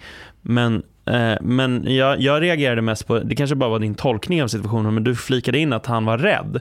Och det som förklaring till varför man inte ringer polisen, det kan inte jag köpa. Kan det ha att göra med att, alltså med tanke på det vi läser om våldsbrott hela tiden, vi, vi läser liksom att en, en kille eh, som knivhögg någon i ryggen för ett år sedan, satt inne i liksom, en kortare period, kommer ut och dödar en polis. Jo, jo. Eh, så att det händer ingenting. Rättsväsendet kommer inte åt de här individerna. Eh, vad, liksom, det kommer bli en rättegång och, och vittnesförhör och kanske sluta med ingenting och den här personen kanske fortsätter att hota mig. Jag vill, inte, jag vill inte. Jag vill bara gå hem, torka av mig blodet och ha en fortsatt okej okay sommar. Jag vill inte att hela min sommar... Men saken är att min sommar hade varit förstörd där om jag inte hade polisanmält. Just... Om, du hade, om, om, din, okay, så här, om din dotter var med då? Ja, men då hade jag på grund av att jag var rädd om henne avslutat situationen där, men jag hade ju fortfarande polisanmält efteråt. Mm. Vad händer när man eh, blir utsatt på det här sättet men väljer att inte polisanmäla? Vad, vad blir det för konsekvenser? Det har ju inte hänt för det första. Alltså det finns ju inte med i statistiken. Det här är en händelse som inte har hänt. Nummer två, ja, alltså den här killen kommer säkert fortsätta att hålla på som man gör. Men jag undrar om han hade slutat om man hade polisanmält det. Nej, men det är ändå så här, det är det, det är det verktyget som står till förfogande ifall man inte planerar att klappa till honom på käften. Du har egentligen bara de två alternativen om du vill göra någonting mer än inget. Alltså, annars kan man bara gå runt och bara så här, okej, okay, slå mig på näsan hur mycket ni vill. Det, det var det. Alltså jag kan inte liksom förlika mig med den situationen. Jag, jag skulle aldrig kunna, alltså jag skulle ha polisanmält alla dagar i veckan. Jag förstår om man typ bor i eh, bor i samma trappuppgång som någon som är kriminell och är rädd för den personen eller någon man springer in i ofta eller du vet, det finns en hotbild mot den eller vad fan som helst. Men det här var på en jävla bro, någon random jävla ortensnubbe som åker Voi. Det är klart att man polisanmäler, men sen så, ja, men och tredje och sjätte och femte sidan, alltså så här, ja, jag tror också att det spelar roll att uppklaringsprocenten är så jävla låg och det, liksom, det, är, det blir så låga straff och allt det där spelar roll. Men för mig som individ, när jag har blivit utsatt för den typen av kränkning, alltså fan någon slags, alltså man vill ju göra någonting mer än inget för att inte bara blir som en jävla tryckkokare där man till slut exploderar och sätter sig ett klocktorn. Liksom. Men, men ligger det hos individen eller ligger det hos liksom, polisen, rättsstaten och samhället som inte förmår att skicka signaler till människor i samhället att hörni, vi har er rygg? Jo men, jo, men i väntan på de signalerna och i väntan på de åtgärderna så kan man ju för fan inte bara leva med att få näsbenet knäckt. But guys, I, now I just got like a really good business idea. How about we start clan for hire? For Det finns det väl någon som har knäckt den idén? Va? Men vadå med vita huvor och bränna kors och grejer? No, no, just like a clan. En, clan. Not that type of clan. No, no, a, a good clan. Like for, for Swedes who basically, in that situation, like that guy, like who can call us. Hej, Jag gillar det. jag tror- Bror, And we bror, kind of like uh, arrange arrange people Bro- for him. Like, uh, brorpatrullen. Jag cousins for hire. Jag tror att. Dödspatrullen redan har det här got that shit covered. Alltså, om du behöver en, om Men du behöver en but- but- de har ju but- åkt in gun, guns for hire, alltså det finns det ganska bra om i orten. Jag har hört att det är ganska bra priser också. Ja, ja, visst. Mhm. Snabb service. We Men should kolla, look into men, that. men kolla här. Jag, Använd jag, inte Encrochat bara. jag, jag, jag tror så här. Jag tror att hade det varit två svenskar, nu, liksom, nu generaliserar jag här, men det är för att föra fram en poäng. Hade det Mm. varit två svenskar som hade mötts på bron där Mm. eh, och en hade skallat den andra. Mm. Eh, jag är rätt övertygad om att offret hade faktiskt ringt polisen Mm. med vetskapen att det, vi är två individer som kommer stå mot varandra i rätten. Det finns inga nätverk bakom honom som kommer störa mig på något sätt. Utan han har gjort bort sig, han, han kommer skämmas i rätten och, och, och Mm. allt det där. Mm. Det som sker idag är att i mötet med människor från andra kulturer så, så, så har man sin bild av att okej, kan det vara så att hans kompisar också kommer att komma till rätten och skrämma mig eller leta upp var jag bor? Eh, kan Om vara, inte man kan, har det så kommer Mustafa Panshiri hjälpa dig att eh, sprida den narrativet i podden Sista Jag vet inte om jag har den, liksom, den makten att... att, att Nej, vi har fucking 50 000 som lyssnar på oss och du bara går omkring och sprider de här ryktena till olika människor och på våran podd. det handlar Finns det inte ett ni- korn av sanning i det då? En Ja. korn av sanning ni är bara inte hela 50 000? sanningen. Minst, men när du är här så blir det 100 000. How many do you have? Jag vet faktiskt inte. På riktigt så vet jag inte. Jag tror, jag tror att vi har där någonstans också. Någonstans, eller jag tror att vi har snarare 60. Men okej, så här.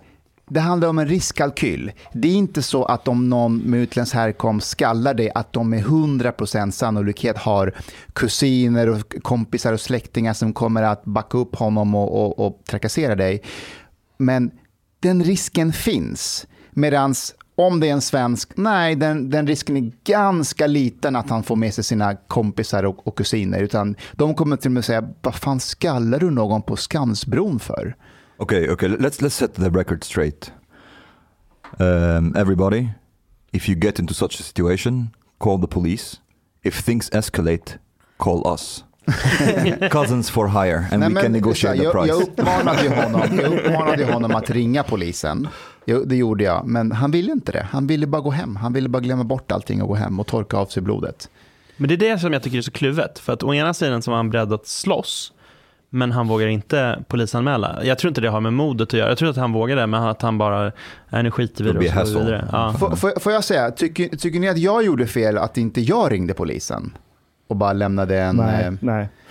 nej men för det Du har gick jag... in, du ingrep, du erbjöd lösningar. Fast jag såg ändå ett brott begås. Eller så här, så här, jag såg inte honom skalla honom. Utan när jag kommer fram då ser jag att det, han blöder ur näsan. Och förmodligen så har den här killen skallat honom och det ser han också till mig senare. Men jag är inget vittne till det. Eh, men jag tänkte så här, borde jag ringt polisen? Och tänkte jag, okej, vad hade hänt om jag hade ringt polisen? De hade kommit dit, okej, vad har hänt? Ja, jag såg någon på en voj skalla någon. Jaha, var det han då? Han åkte mot Gullmars. Var var det, var det offret? Han gick mot Skanstull. Eh, okej, vad ska vi göra? Eh, jag såg ett brott. Jag, jag har varken målsägande eller någon misstänkt.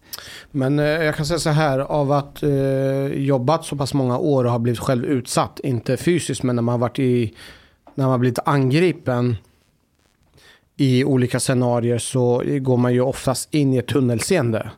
Eh, du går ju in i ett tunnelseende där du försöker upptäcka olika faror och vart nästa angrepp kommer komma ifrån. I det skedet som jag tror att han, den här killen befinner sig i, har inte han förmåga att kunna tänka klart.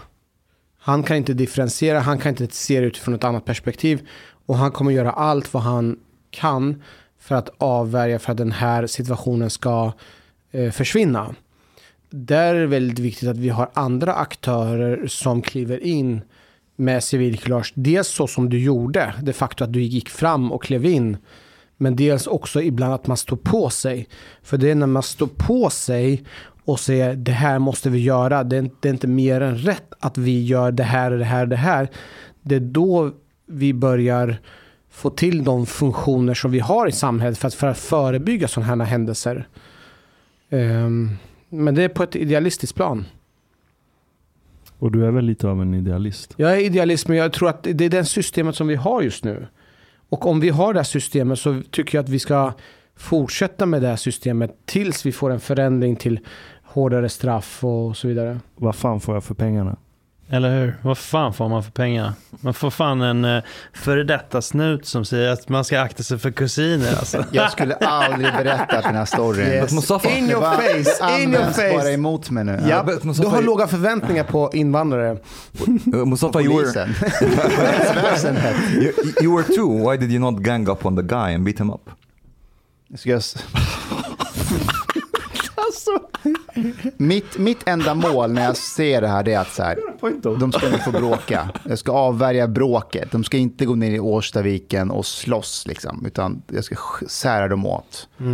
Och det var det jag lyckades med. Ja, men skämt åsido, jag tycker att det var helt rimligt. Sen så hade jag nog i och för sig ringt till polisen i dina skor, men jag kan inte döma dig för att du inte gjorde det. Liksom. Alltså jag tycker så här, ja, fine, Fast om, om, du, om du tänker att han är en före detta polis. Ja men det spelar väl ingen roll. Man gör väl Det spelar den... väl viss roll om Nej, han är för... alltså vadå, du gör väl den värderingen utifrån eh, förutsättningarna och han gör värderingen att, eller Mustafa gör värderingen att, eller avvägningen att, så här, nej men vadå, det kommer inte leda till någonting. Och det stämmer ju förmodligen. Men jag har bara den principiella hållningen att jag anmäler typ alltid.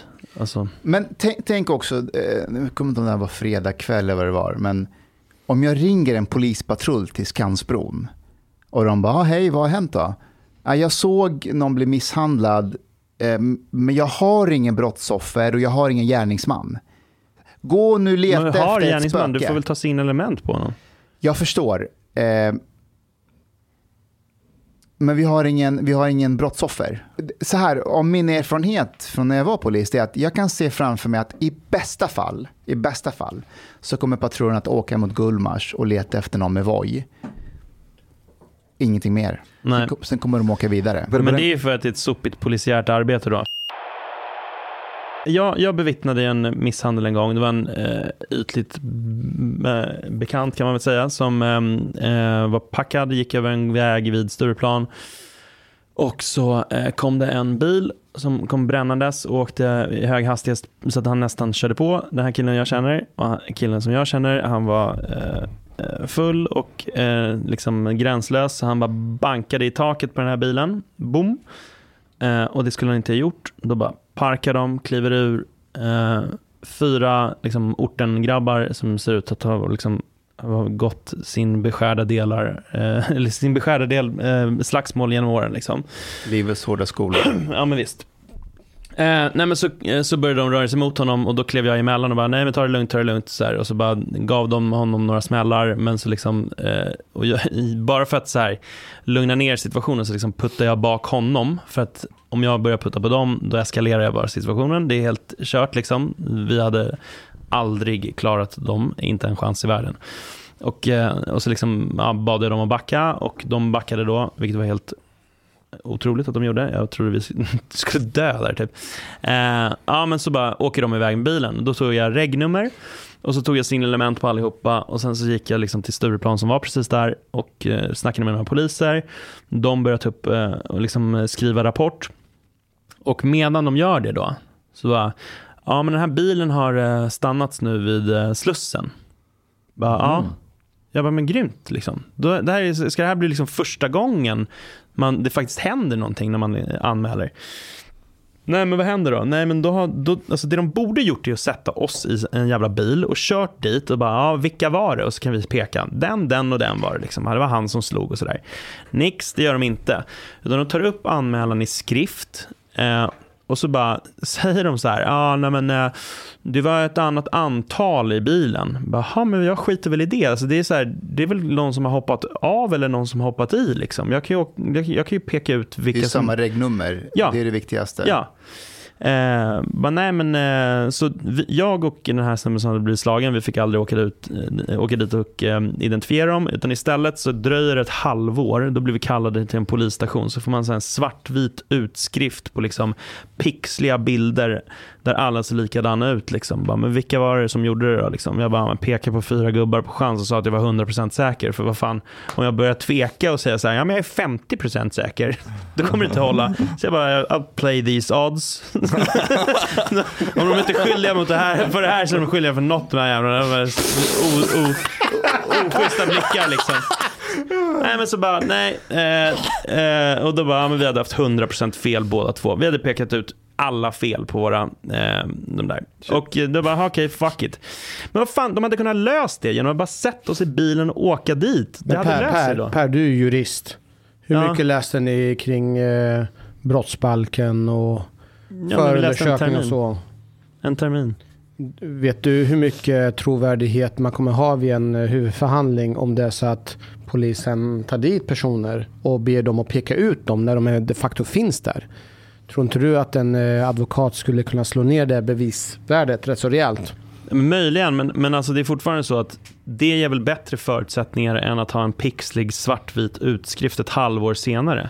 Jag Alltså, håller ju- med, jag håller minns ju med dig. inte hur, hur Jag håller, helt och hållet, jag håller helt och hållet med dig i, i pixliga bilder.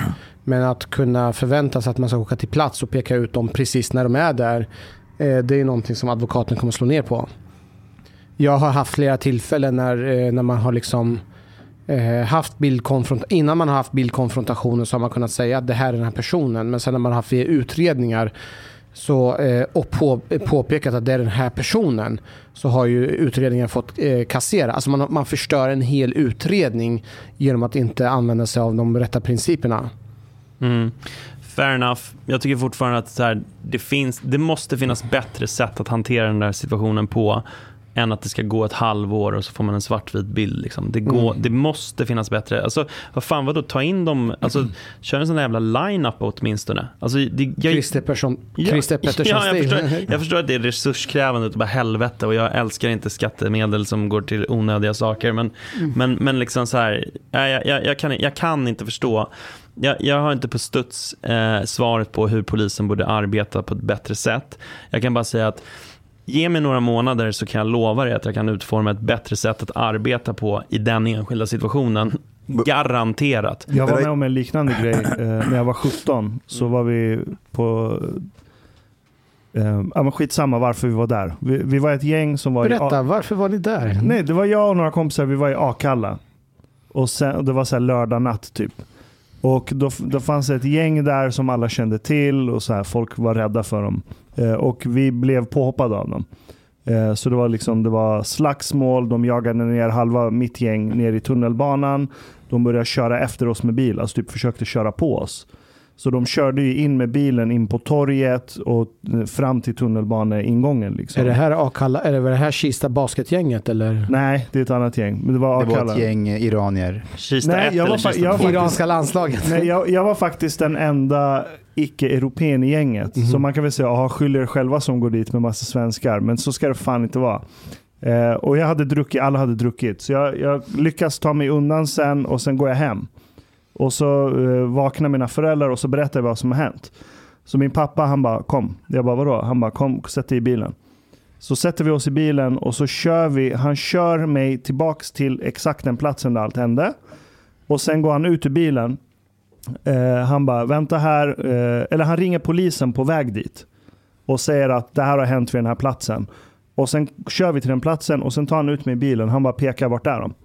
Så jag bara, ja, men de är där. Mm. Eh, han bara, bra, då väntar vi här tills polisen kommer. Och så kommer polisen. Mm. och så frågar de vad som har hänt. Och de här idioterna hänger kvar där. Mm. De springer inte ens iväg när polisen kommer. I och för sig det kanske är smart för det är suspekt att springa därifrån. Och så säger polisen, ja, vilka är det som har gjort det? Jag bara, men de sitter här, de är här, här, här, här. Och så skriver de ner sin rapport. Kommer hem, får brev några dagar senare, så här, ut, utredning nedlagd, bla bla. För att? Det kommer jag inte ihåg. Men de var fucking där hörni! De var där! Men varför är utredningen nedlagd? Jag, vet, jag kommer inte Nej, ihåg. men du Men bestämde... brott kunde inte bevisas, vanligaste orsaken. Men, men Vi, vi, alltså, vi, vi pratar om två principer här. Inga av mina Vi, kompisar vi, vi har två principer. De principerna som vi pratar om det är rättssäkerhet och rättsstat som det Sverige företräder. Och sen så, företrä- så pratar vi om den primitiva eh, typen av straff som Omar gärna vill ha tillbaka från Egypten. ja. Vad fan? Jo, vänta nu, vänta nu. För förr i tiden, alltså vad gör man i Egypten? Man går och hämtar en jävla kackerlacka, man hämtar en bat, man hämtar kineser. But I didn't say that this is what should be should happen Nej here. men What the du, fuck? Du, har en, du har en romantisk dröm att få tillbaka den delen. Nej. Jo! jo. Men det här är grejen. Vilket system ska vi ha? Ska vi ha den som är optimerat? Eller ska vi ha den som är rättssäker? Yeah, one one that works. Exakt, en som But fungerar. Det som, det som funkar Okej, är ju det wait. primitiva. It's, it's funny. It's like you're, you're the police and saying that, but but I, I actually I just like I, I was thinking in my head now how this situation would have been if if uh, Mustafa would have called the Egyptian police instead, and they'd be like.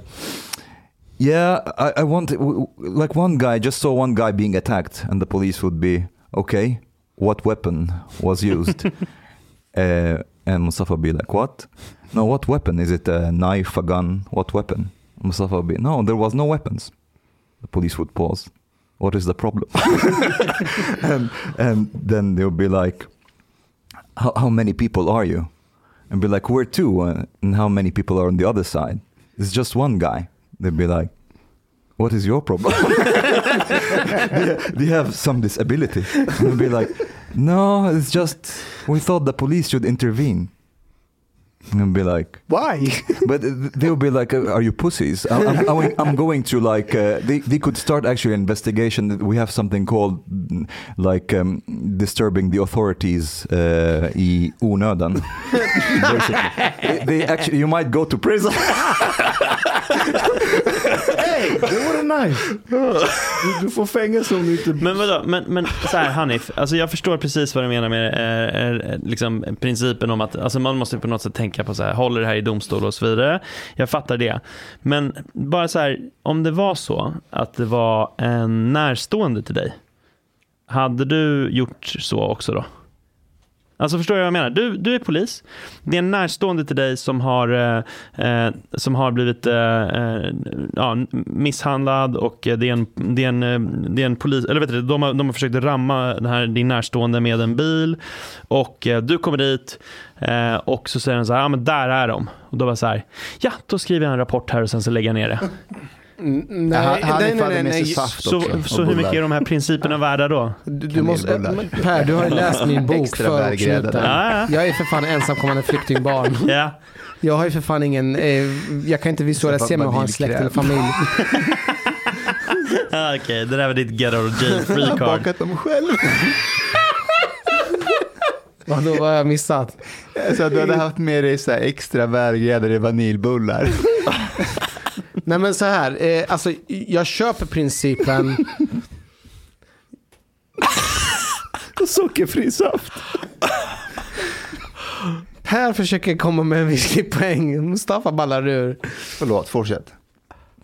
Om det var en närstående som hade blivit utsatt. Jag hade ju självklart gjort allt vad jag hade kunnat. Mm, vad betyder det Som då? är vad? Jag hade ju försökt att dokumentera allting kring eh, den här bilen som vi stoppar och kontrollerar. Kring fota, fot, fotografera allting. Okej, men nu, okej, jag menade mer Ashkans. Men okej, fair enough. Vi kör på mitt Nej, exempel. men, Ja. Jag tycker att Ashkans pappa, eh, han verkar ju han, han verkar kunna allting. Han gjorde ju exakt rätt. Ja, men okej, men så Ashkans pappa är din pappa, du är bror med Ashkan. Du kommer dit, men nu är Ashkan gjorde, Ashkans Ja, pappa nu- gjorde allt rätt. Och nu är du i uniform, nu kommer du till Ashkan, till din bror och din pappa och så får du höra där borta i gänget som precis har försökt att ramma mig med bilen. Vad gör du då?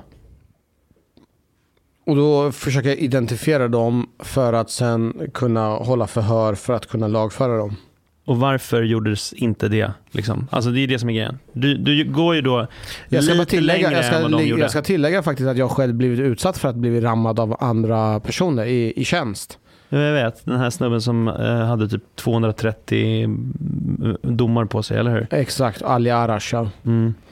Men, eh, Men polisen sa att de visste vilka de var.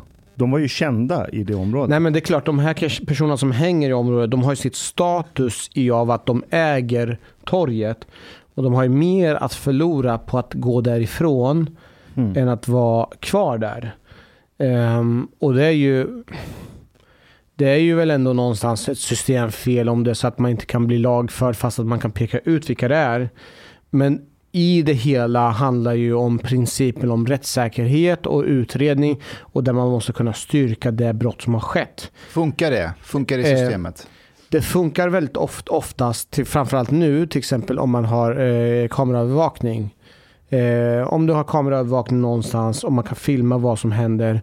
Även om inte du skulle ställa upp, någon annan skulle ställa upp så kan man styrka det med film. Och det skulle kunna räcka i rätten. Men om det är så att det bara det finns, det står ord mot ord. Det kommer ju, de principerna kommer inte hålla i rätten. Men jag, För- fattar, jag fattar det och jag är helt med på det. Men jag menar bara så här, det måste finnas en, en, en hunger hos polisen också. Det måste finnas en vilja att uppklara brott.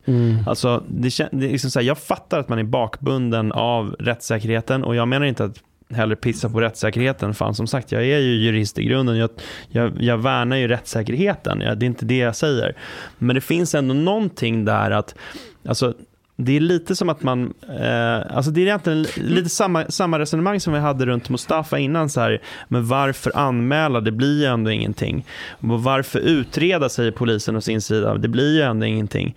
Vad fan, alltså bara gör det som står till buds fram tills att ni har fler verktyg. Jag, jag tror, det- här är väl, det här är väldigt viktigt och det här är väldigt viktigt kring framförallt vad jag tycker är viktigt i vilka som ska utbildas och vara poliser. För det handlar om att även om man är cynisk, även om man vet hur saker och ting kommer sluta så måste vi fortsätta och verkligen tro på systemet och göra det bästa vi kan i situationen för att kunna göra det bästa av situationen. Um, och där inte vi poliser blir slappa.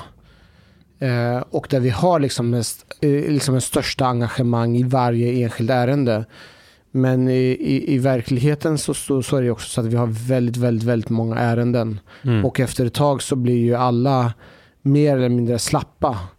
Och eh, ett enskilt misshandelsärende är ju tragiskt för den enskilda personen men det blir bara en i mängden. Mm. Eh, och att man, blir, man är där och man gör sitt grej att liksom rapportera så. Man kanske inte lägger till det lilla extra och man blir besviken gång på gång, väldigt många gånger. Eh, det är så många ärenden som vi har haft så, vi slår på stora trumman och gör så stora insatser mot de, de som är väldigt grovt kriminella.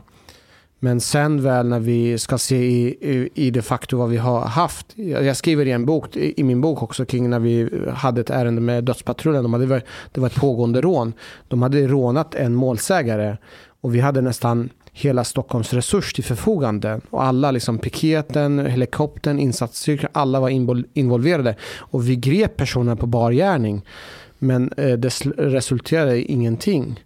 Och då tappar man ju hoppet. Mm. Och, mm, Ja, men jag fattar. Men det är ju också det som är en ond spiral. För det blir att det är... Eh, det ger ju att... Alltså, om till och med luften går ur polisen, alltså då är det är ju liksom det som sker i kvadrat hos allmänheten. mm.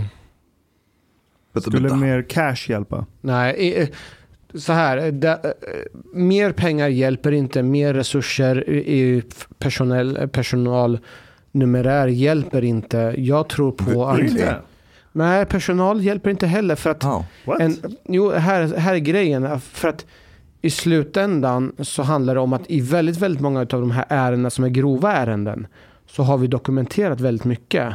Men det är små, små pusselbitar som fattas och då behöver vi ha enskilda individer som vittnar i rätten. Och de vågar inte göra det. Och när de inte vågar göra det så kommer allting falla. Så Kan det då, inte vara så att de inte vågar för att de är rädda för att få konsekvenser. konsekvenser. Ja, absolut. Och om det fanns mer personal ute på gatorna. Inte personal, men, straff, eh, men straff, straff, straffsatsen. Eh, om, om vi skulle ha systemet som i Danmark där, eh, där man vet att en person som begår så pass grovt brott får 20 års fängelse. Det var väl de, en av de här enskilda aktörerna fick ifrån Dödspatrullen. De fick väl över 20 års fängelse istället för att få tre års uh, ungdomsvård. Jag tror att det sänder en väldigt, väldigt tydlig signal för vi har ju väldigt många som vill samverka eller vill hjälpa oss.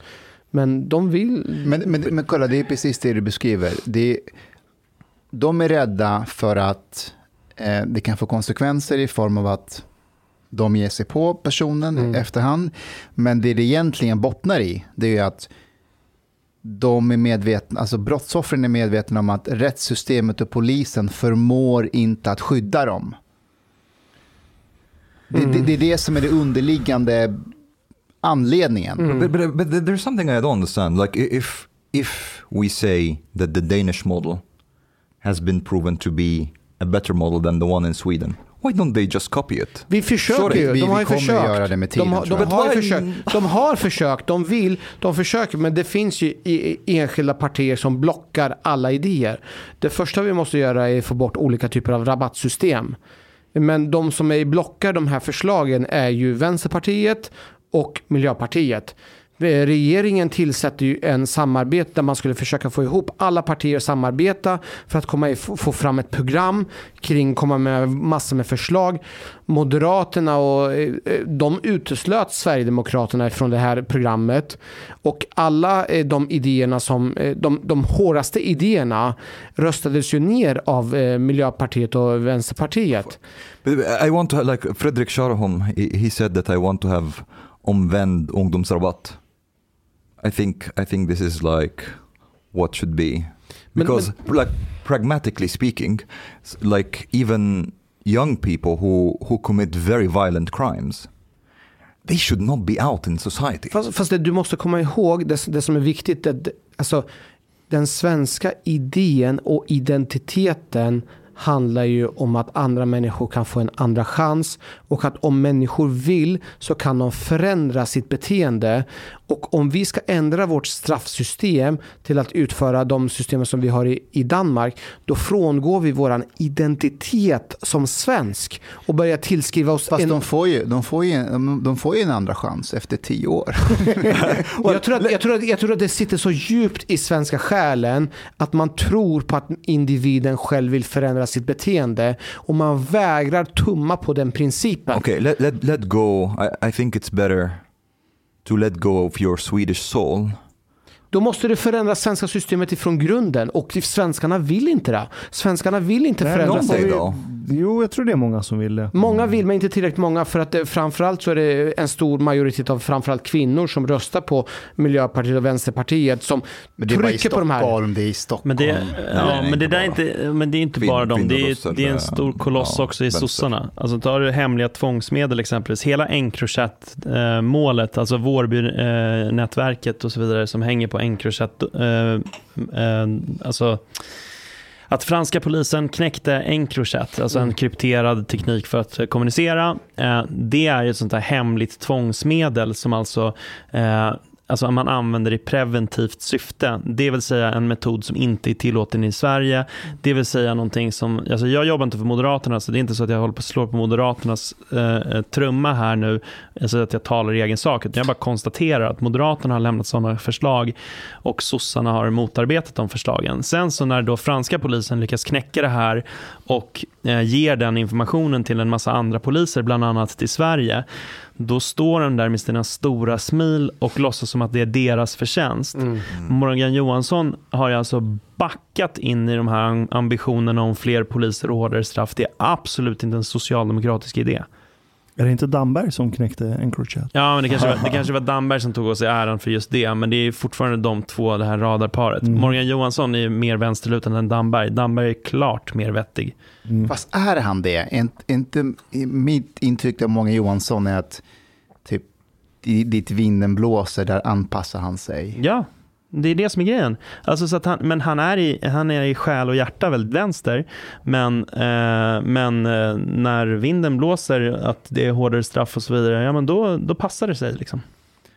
Och grejen är, så här, ska man få till verkliga reformer, alltså är det någonting som allt det här politiska kaoset under den senaste tiden och just nu liksom med regeringsfrågan och allting visar, alltså så här, om du ska få till verkliga förändringar så, så gör du klokt i att göra de förändringarna ihop med folk som tycker likadant. Alltså det är liksom, om det finns en initial ovilja att genomföra förändringar, ja, men då kommer det inte bli mycket gjort. Det, det, it goes without saying. Så här, just nu i svensk politik så är det ju, eh, så som jag ser det, eh, utifrån ett polisiär perspektiv så finns det ju egentligen, när det gäller lag och rätt, så uppfattar jag att Moderaterna och delvis Sverigedemokraterna ligger mest rätt till i att vara trovärdiga. Mm. Eh, när det gäller att vilja, på riktigt vilja skapa förändring i förorten, då uppfattar jag att det är Liberalerna. Eh, men när det gäller skola och många andra frågor som, som är också jävligt, jävligt viktigt som vi nonchalerar i den här diskussionen, då, då, då lutar jag mig mer åt Vänsterpartiet. What? Skolan. Va? Alltså för, för så här, principerna om skolan, om? lyssna nu, principen om skolan, alltså så här någonstans i det hela, principen om hur du formar dig och hur du växer upp och vilken möjlighet, vägval du väljer i ditt framtida liv, det präglas ju av vilka du umgås med. Till viss del så, um, så, så präglas det Okej, av vilka ja. du umgås med. Ja. Och om du redan på ett tidigt, tidigt skede får ingå i ett B-lag istället för ett A-lag, då tenderar du tro att livet är kört. Inte för att det är sant, men det är en föreställning som du har.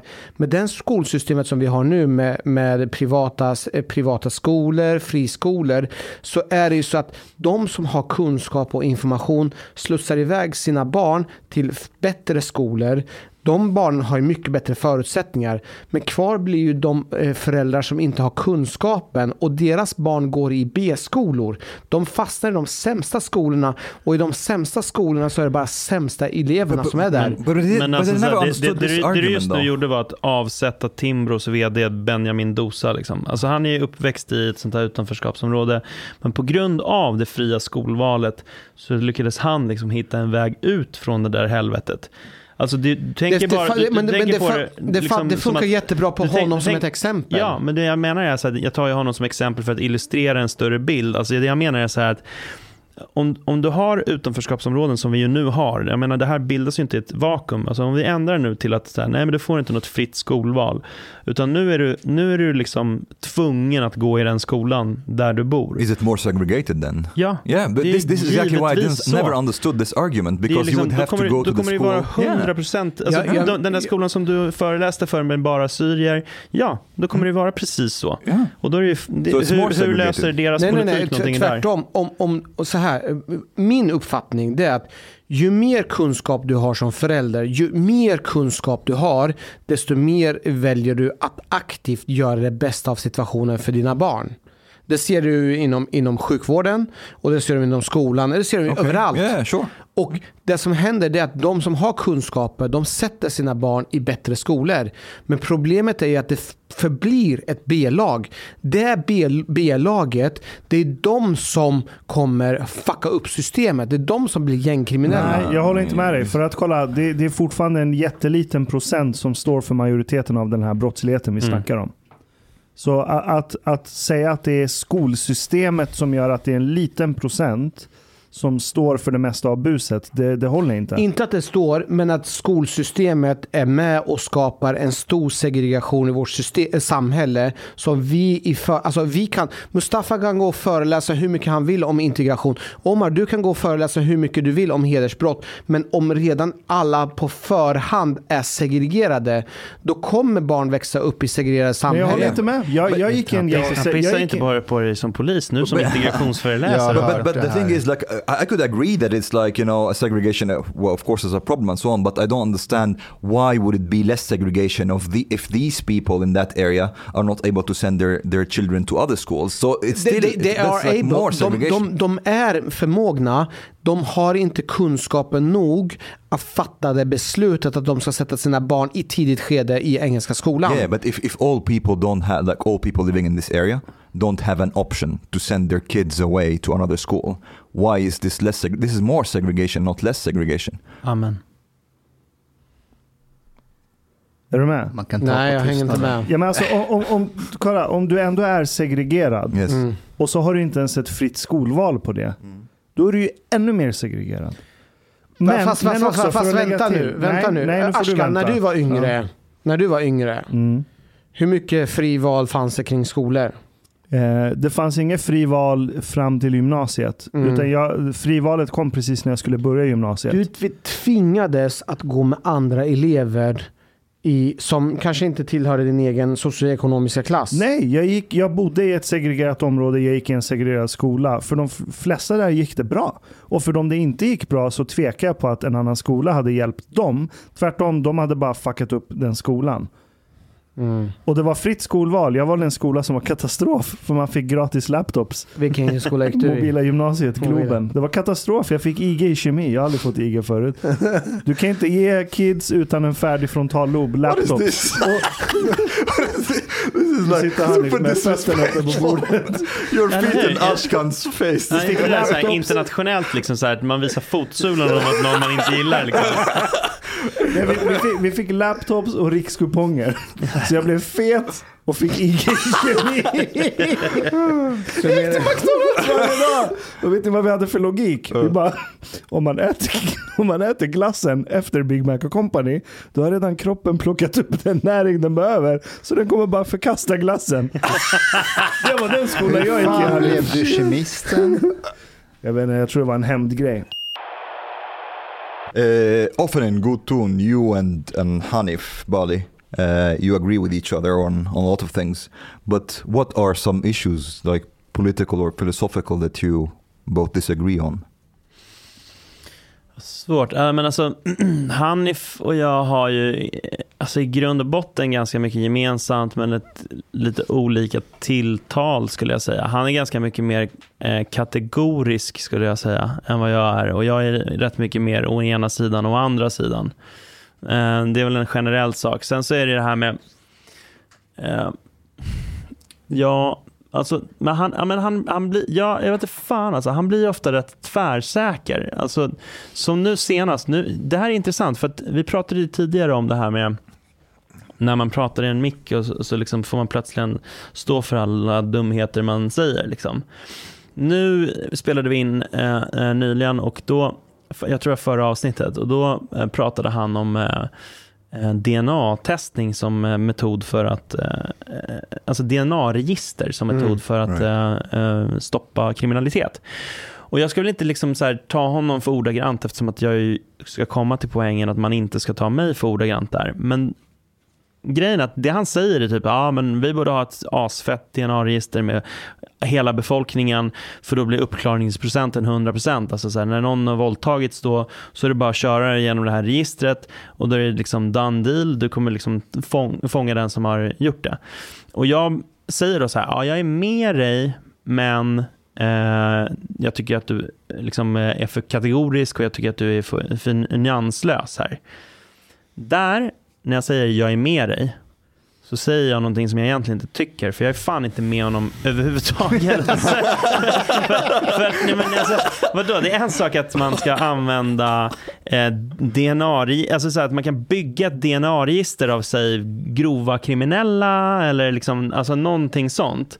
Eh, det, det är väl en sak, men alltså att bygga något slags jävla fascistoid DNA-register mot människors vilja jag vill inte lägga den makten hos staten. Och jag, ska säga det, jag är inte helt säker på att han vill det heller. Han uttrycker sig ibland kategoriskt när jag tror att han inte Väldigt riktigt menar det. tvärsäker. Ja, But- men. Okay, in that in that instance, I would say that maybe he's more pragmatic and you're more principiell. mm, Because you, in principle, because pragmatically speaking, this would increase uh, uppklarningsgraden. Ja, men det skulle ju, det skulle eh, inskränka liksom individens frihet. Ja, so men det, this är grund, ja, men det är grundlagsfäst, alltså din, din liksom kroppsliga integritet. Mm. Det, det är ju inte liksom någonting så att, att staten, alltså har man, är man liksom på högersidan som ju jag och Hanif är och, och utgår ganska mycket från individens frihet i hela sin ideologiska liksom, eh, grundhållning så, så har man ju inte, liksom, då står inte högst upp på önskelistan att ge staten mer makt över individen. Det är därför det var så förvånande att det kom från Hanif. Ja, fast han, är ju nu, han har ju nu sadat om lite till att han, blir, han är jävligt mycket, eh, han, har, han har kastat ganska mycket principtänk på sophögen och så har han i första rummet istället konsekvensen. Mm. Alltså så att om konsekvensen är att vi når det som är önskvärt så kan principerna få stå tillbaka. Fast kolla, det är rätt intressant därför att i det här exemplet med DNA-register över hela befolkningen för att lösa liksom, framtida mord och andra eh, hemskheter. Det är ju Pers princip som ko- kan komma att rädda att Hanifs pragmatiska lösning i framtiden inte blir någon fascistoid stat. För att om det hamnar i fel händer i framtiden, fel statsminister, fel parti, så kan det ju bli kaos av allting. Där kommer ju din princip. Ja men precis, alltså, men jag, så, att, precis så, så att det är väl lite det jag säger, även om det inte framgår så tydligt i podden gissar jag. Men när jag säger jag är med dig, då är det- jag säger så här, jag, är med, jag är med din ambition om riktningen. Liksom. Eh, alltså att vi ska ha fler uppklarade brott och använda DNA-register för att f- uppklara fler brott. Like Men jag är fan, in, kind of. ja, exakt, men jag är Mm. fan inte med på eh, rakt upp och ner det han säger. Alltså du öppnar ju, du öppnar ju en fucking dörr. Sen, se att vi löser alla brott på, på något magiskt sätt med det här registret. Jaha, sen då? Vadå, stänger vi den dörren då? Ja men det är det. Det finns ju ingen vid makten som kommer stänga den. Nej? Det finns, det finns i princip inget exempel på en stat som krymper sin lagbok. Nej. Så du kommer bara hitta på nya sätt att få kontroll. Okay, devil's advocate here a little bit. What would be the problem? Problemet är att alla mänskliga system vill växa, oavsett om det är ett företag eller i en politisk Nej, alltså, miljö. menar- med DNA-registret. Det, jag tror att det, det största problemet är att det kommer ju kunna utnyttjas i, i alla andra sammanhang. På som, vilket sätt? Det kan till exempel utnyttjas i privata skäl kring att man vill eh, utreda någon privat grej. Östtyskland, DDR. Nej, men alltså bara faktumet att dina politiska åsikter har en genetisk basis. Och eh, liksom var, redan för vad var det, två år sedan, där några stora medier, jag tror det var Svenska Dagbladet, DN och Public Service, skulle gå in och ha en så här faktagranskningssajt. Ja. Där de ska berätta för folket vad som är sant och falskt. Det var. DN eller? Det var DN bland körde, också. ja, Ja. men det var flera stycken. Det kanske inte DN var Svenska Dagbladet, så jag ska, Nej, jag ska var inte gå DN, the ja. record här. Men Nej, det var DN. Faktiskt.se. faktiskt.se, Mm. exakt. Så Mm. DN var ju med. Mm. Och eh, Public tror- Service. Ja, ja, precis. Och jag, fan ja, men jag minns inte exakt, men det var TT tror jag, DN. Ja, det var ett gäng. Ja. Och jag menar, så här, har du ett DNA-register? Då säger ja men vänta, nu har vi ju gjort eh, eh, framsteg inom DNA-forskningen här. Nu kan vi ju Mm. se vilka som har eh, högeråsikter. Mm. Och eh, va, nu på Facebook, jag, har en, jag har en vän som heter Chang. som, har- som har fått notiser på Facebook så här. Eh, vi märker att eh, dina kompisar är extremister. Eller att du kanske är extremist. Vill du ha hjälp så finns det en stödlinje. Nej. Jo, Nej. jo, på Ja, riktigt. ja, det- Uh, no, it was something a bit different. Like, do you know somebody who's mm, like uh, on the way to be an extremist? Um, contact us Så or kan du this. anmäla dem Ja. eller skriva deras På namn. tal om högerextremism och sånt. Eh, per, jag eh, lyssnade på en sommaravsnitt för andra gången Mhm. eh, från God ton. Mhm. Och eh, vi har pratat om det tidigare. Det är absolut, min särklass absolut favoritavsnitt i eran podd. Det var ju när du hade sommarspecial om, vad hette han? Säg Sinan. Sinan. Jag ju så svårt att ta emot sån här kärlek. Eh, Bortse från mina tårar i ögonen. Eh, Hanif, vill du ha en näsduk? Nej, jag, just nu är jag lugn. Nej men förlåt, men eh, tack vad kul att du gillar det. Det är inte bara, vi har pratat om Jag det. älskar det. Jag vi, också vi, det. vi har pratat om det flera gånger kring vilken som, vilken, av, vilk, av alla avsnitt, vilken avsnitt vi gillar mest. Det, det, är när Hanif inte är med. Ehm, och jag, jag, jag lyssnade på den igen och det var liksom så här, så här det var liksom, liksom du bara, eh, du bara liksom, dina argument, eh, den liksom, de vart jävligt tydliga, framförallt i slutet av, eh, av eh, podden och så. Men eh, jag är lite så här fundersam. Sinat, var det du när du var liten? Sinan, ja det var jag. Ja. Eh, när jag växte upp i ungdomsåren. Alltså för de som inte vet så kan jag väl bara recappa. Alltså Mm. jag gjorde ett avsnitt av våran podd och då berättade jag om en person som jag sa hette Sinan och att han hade givit sitt medgivande om hur eh, Ja, om att jag skulle berätta om en, hon, hans uppväxt i podden. Mm. Och så berättade jag om det. Eh, och sen så liksom halvvägs in så berättade jag att eh, ja, det är en grej med Sinan jag inte har berättat och det är att Sinan är jag. Mm. Och grejen är då att eh, poängen lite, eller det är väl flera poänger, men en av poängerna var att alltså, jag har genomgående, och det här, nu är det här en ganska trött och gjord poäng känns som, för att det känns som att alla är inne på det så jävla ofta. Men jag upp, har, har länge upplevt det att, eh, alltså att man inte riktigt har kunnat berätta min berättelse Eh, för att jag har, egentligen av identitetspolitiska skäl. Alltså eftersom att jag är en, en vit man från medelklassen, då är inte jag liksom skyddsvärd, jag checkar inte en jävla box. Liksom. Eh, Så att liksom för att berätta min berättelse om, om de sakerna som jag tycker är- har varit liksom ganska präglande i mitt, min uppväxt, så gjorde jag det genom att berätta om en, om en eh, invandrarkille istället. Eh, Och så blev det att han fick liksom vara någon slags negativ, alltså en spegling av, av mig. Då. Och jag tror Och att det var lättare känner- att ta, sig, ta till sig den Så, berättelsen. så fiktiva Sinan och hans berättelse om att han får spö av nazister, den är Mm. välkommen. Mm.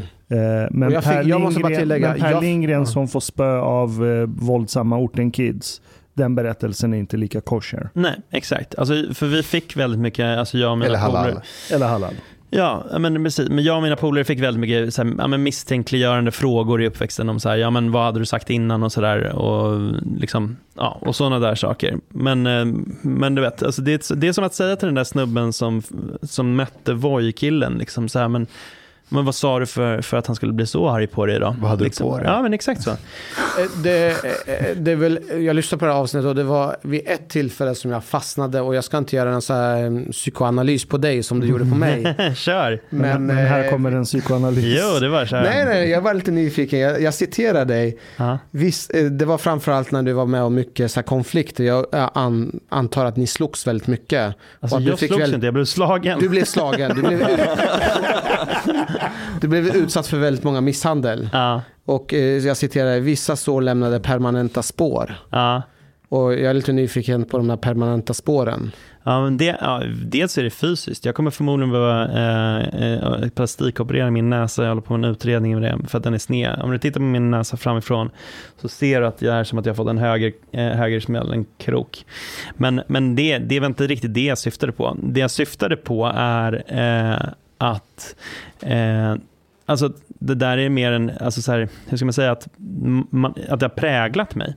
Alltså att eh, eh, Alltså att man, man jag har, har, har ett, en uppdämd frustration och aggression som är sprungen ur ungdomsåren. Eh, av att inte liksom kunna känna sig trygg i sin egen hemkommun, av att ha en diffus konstig hotbild eh, liksom emot sig, Eh, helt utan att man har gjort någonting och sådär. Eh, och att liksom den, den uppväxten som jag hade, den ska liksom inte överdrivas på något sätt. Alltså, det är folk som har haft mycket värre än jag. Men den ska fan inte heller underdrivas. Alltså, vad, vad, jag, jag är säker på att det finns eh, folk ute i eh, förorterna nu som har, har eh, långt mycket värre än vad jag hade det. Men det är liksom en rätt klen tröst. Alltså så här, det ska inte vara så som det var. Och nu är det fan mig ännu värre. Eh, på min tid så var det en jävligt utbredd oförståelse eh, för, för hur jag och mina vänner hade det. Och det var liksom, det, det gav ja, faktiskt ett hat. Alltså mot, mot de som brukade våld mot oss och mot de som, eh, mot de som eh, hotade oss och sådär. Men också mot eh, liksom ett, ett blundande majoritetssamhälle. En slags vuxenvärld som valde att titta bort. Som såg sig själva som de goda men som liksom gjorde det onda.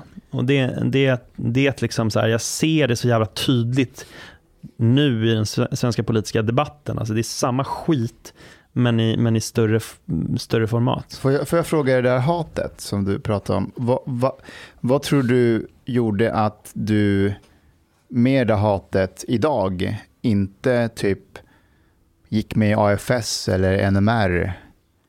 Jag vet inte, men alltså det var aldrig ens nära. Alltså, dels är det så att, alltså visst, jag har inte haft jättemycket utländska vänner i uppväxtåren. Jag växte upp i ett ganska sådär, eh, vad ska man säga, homogent eh, område med, med främst eh, svensk, svenska eh, vänner med svenskfödda föräldrar och sådär. Och alla hade typ samma bakgrund. Liksom. Men, eh, men med åren så lärde jag mig känna folk med andra bakgrunder och sådär också. Men jag vet inte, jag tror att i vår medelklassiga miljö och uppfostran så fanns det också en, ett förakt mot rasismen. Liksom. Alltså det kom i min uppväxt och i min kultur också. Så att liksom, eh, även, om, även om jag hade ett hat mot de här människorna så hade jag inte ett generellt hat mot invandrare. Eh, fast det, det, var ju det vi pratade om, alltså de som gjorde de här illdåden, de var ju utländsk härkomst. Alltså i 99 fall av 100. Eh, eller ja, något du, sånt. Du beskriver i den här podden, avsnittet, att du kunde själv differentiera mellan olika e etniska grupper. Eller bland invandrargrupper så att du inte tillskrev alla mm. invandrare det. Alltså, så här, Hanif har ju, nu, nu, nu kommer du bli tvungen att uh, ta avstånd uh, Hanif. Uh, för att, för att så här är det, att, Hanif Bali han fick ju jättemycket skit för att han avhumaniserade eh, människorna han sa IS-honor. Mm. Och det blir ett jävla liv runt det. Eh, eh jag vet inte om det är någonting att stoltsera med, men det där med avhumanisera, det har jag gjort långt innan det. Alltså så här, när jag växte upp, då myntade jag begreppet det. Och det var det vi kallade dem och det satte sig i hela Sollentuna alla de här ortensnubbarna, de var det. Mm. Alltså de var ingenting mänskligt. Så vi pratade mm. om det och detare och detgäng och sådär. Och det där, det där begreppet, jag träffar fortfarande folk som använder det. Och det var liksom vårt sätt att så här, differentiera oss från dem. Och medvetet avhumanisera dem. Alltså så här, det, var liksom helt, eh, det var helt i sin ordning. att så här, Det var liksom det som var tanken. Att Eh, att eh, jag ser dem inte som mänskligt värda. Liksom, det var så jag kände då. Och det, det är ju hat. Liksom. Jag måste bara tillägga, på samma sätt i förorten när vi hade som värst de här upploppen och kravallerna. Mm. Så refererade vi också till de som ni kallar för det, till horungar. Mm. Vi kallade dem rakt av för horungar. Mm. Eh, inte alla, men den, den, den massan som vi ständigt skulle behöva, eh, som vi hamnar i konflikt med. Mm. Och det är ju samma sak där, vi avhumaniserar folk fullt ut. Mm. Någonting som jag nu idag ångrar om. Mm. Men det, jag tycker, alltså så här, det, eh, det är skillnad på vad som är förståeligt och vad som är liksom rätt. Eh, alltså det är klart att det är fel att avhumanisera människor och så vidare, men jag vet fan, in, liksom, här, när allt kommer omkring så är det så här att det beror lite på vad, vad, hur kontexten är, if, liksom så här, ifall det är det mest eh, relevanta att prata om eller inte.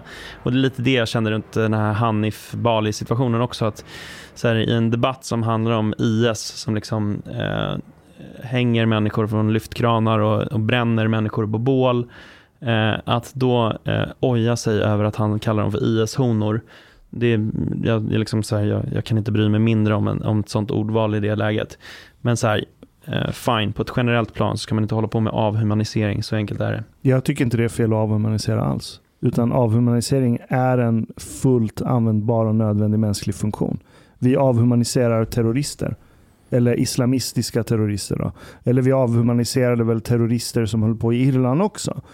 Så vi avhumaniserar ju alla som inte följer den ideologi som är utbredd i vårt samhälle, det vill säga västerländsk eh, upplysningsideal etc. Vi avhumaniserar det. Men varför? Maybe, maybe, maybe Men var, varför är det rätt då? För att om du inte avhumaniserar så kan inte du rättfärdiga att de ska sitta eh, fängslade but, eller bli tagna ifrån sin nej, frihet. Nej, det but, but, I, but I think like it's not like uh, I don't think we dehumanize necessarily people who don't follow our values we dehumanize the people who want to harm us. Ja, vi avhumaniserar de som aktivt, praktiskt agerar på mm. värderingar som går emot våra. Då. Om, man ska vara, om man ska vara väldigt så här, eh, specifik och tydlig. Mm. Så varje gång ett västerländskt land skickar upp en drönare som är, bepans- som är beväpnad med missiler. Eller varje gång vi skickar iväg eh, ett JAS-plan eller ett militärflyg. Då har vi avhumaniserat målet. Annars kan inte vi skicka upp ett stridsflygplan med bomber. Eh, och så enkelt är det. Man måste avhumanisera för att kunna differentiera sig. Men här kommer den stora skillnaden. Sker avhumaniseringen på grund av avund? Mm. Eller sker avhumaniseringen på grund av att de vi avhumaniserar är ett fysiskt hot mot oss. Och det är en stor skillnad. För att om du avhumaniserar på grund av avund, då får du till exempel antisemitism. Det, var Det är det den bygger på. Right. Det är inte att så här, en antisemitist tänker inte att judarna är sämre och därför ska utrota. Det är så här, fan de äger allting, de äger bankerna, bla bla. Det är ju den jargongen du hör.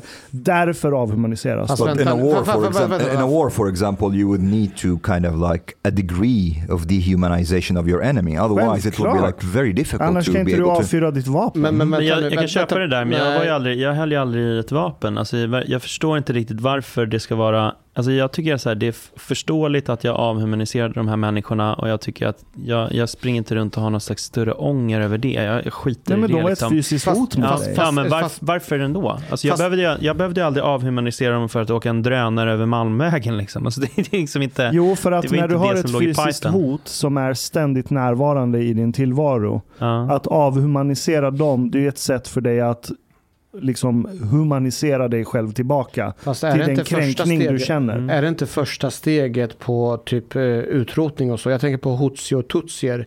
De håller ju på att avhumanisera varandra. Eh, så det Okej, behöver det- inte, jag, jag tror inte att också- den här avund behöver vara den enda ar- argumentet utan man kan avhumanisera för, av många anledningar och när man väl har gjort det då har man öppnat en port där, man, där, där det finns mycket, många alternativ till vad man ska göra med de människorna för att de är inte som oss och då tror jag att vi är på slutande plan. Jag håller med dig där. Alltså, så här, avhumanisering i form av fysiska hot. Det, det, det, håller, eh, det gör alla. Sen att vi inte tänker på det aktivt, det är en sak. Mm. Men ja, jag håller med dig. Att avhumanisering behöver inte bara vara på grund av fysiskt hot eller avund. Mm. Det finns andra skäl också. Eh, och då öppnar du upp dörren för riktigt Till exempel som vi har varit inne på av, avhumanisering av eh, sexarbetare, Yes. eh, drogmissbrukare, eh, Psykisk ohälsa. svarta under slavhandeln. Alltså, Jag tycker ändå att det finns ett problem med avhumanisering. Att man, om man för lätt avhumaniserar så, så kommer man ha lätt för att eh, blunda för olika slags lidande och sådär. Jag försöker därför exempelvis, det här låter som att jag nu slår på min egen trumma och försöker spela god, men det är faktiskt sant att jag, jag försöker att liksom ständigt påminna mig om att de här tiggarna som finns vid alla våra butiker, att det är människor. Liksom, jag tycker inte att, eh, jag vill inte riktigt avhumanisera det eh, och jag tycker inte om liksom att, så här, eh, att, att det ska liksom vara en naturlig del i stadsbilden att människor sitter på knä utanför en butik.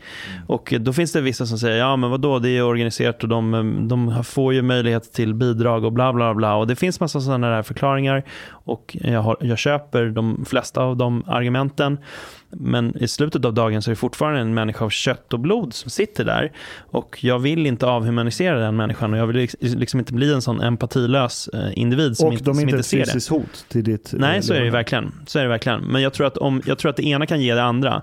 Om du släpper fördämningarna, liksom, om, du, alltså om, om, om, om du liksom börjar avhumanisera i för hög grad så kan det bli att liksom dammarna brister och plötsligt så har du lättare för att avhumanisera generellt. Ja.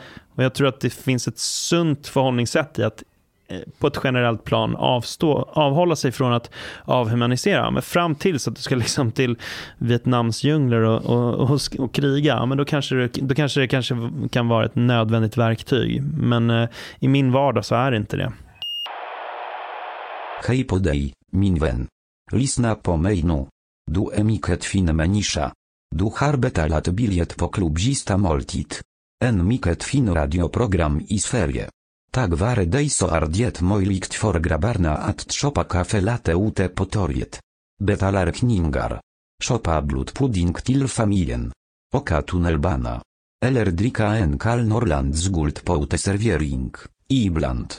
Dit bidrak jor grabarna miket glada. Dit stot jorzista moltit mojlik, helt enkelt. Tak, minwen.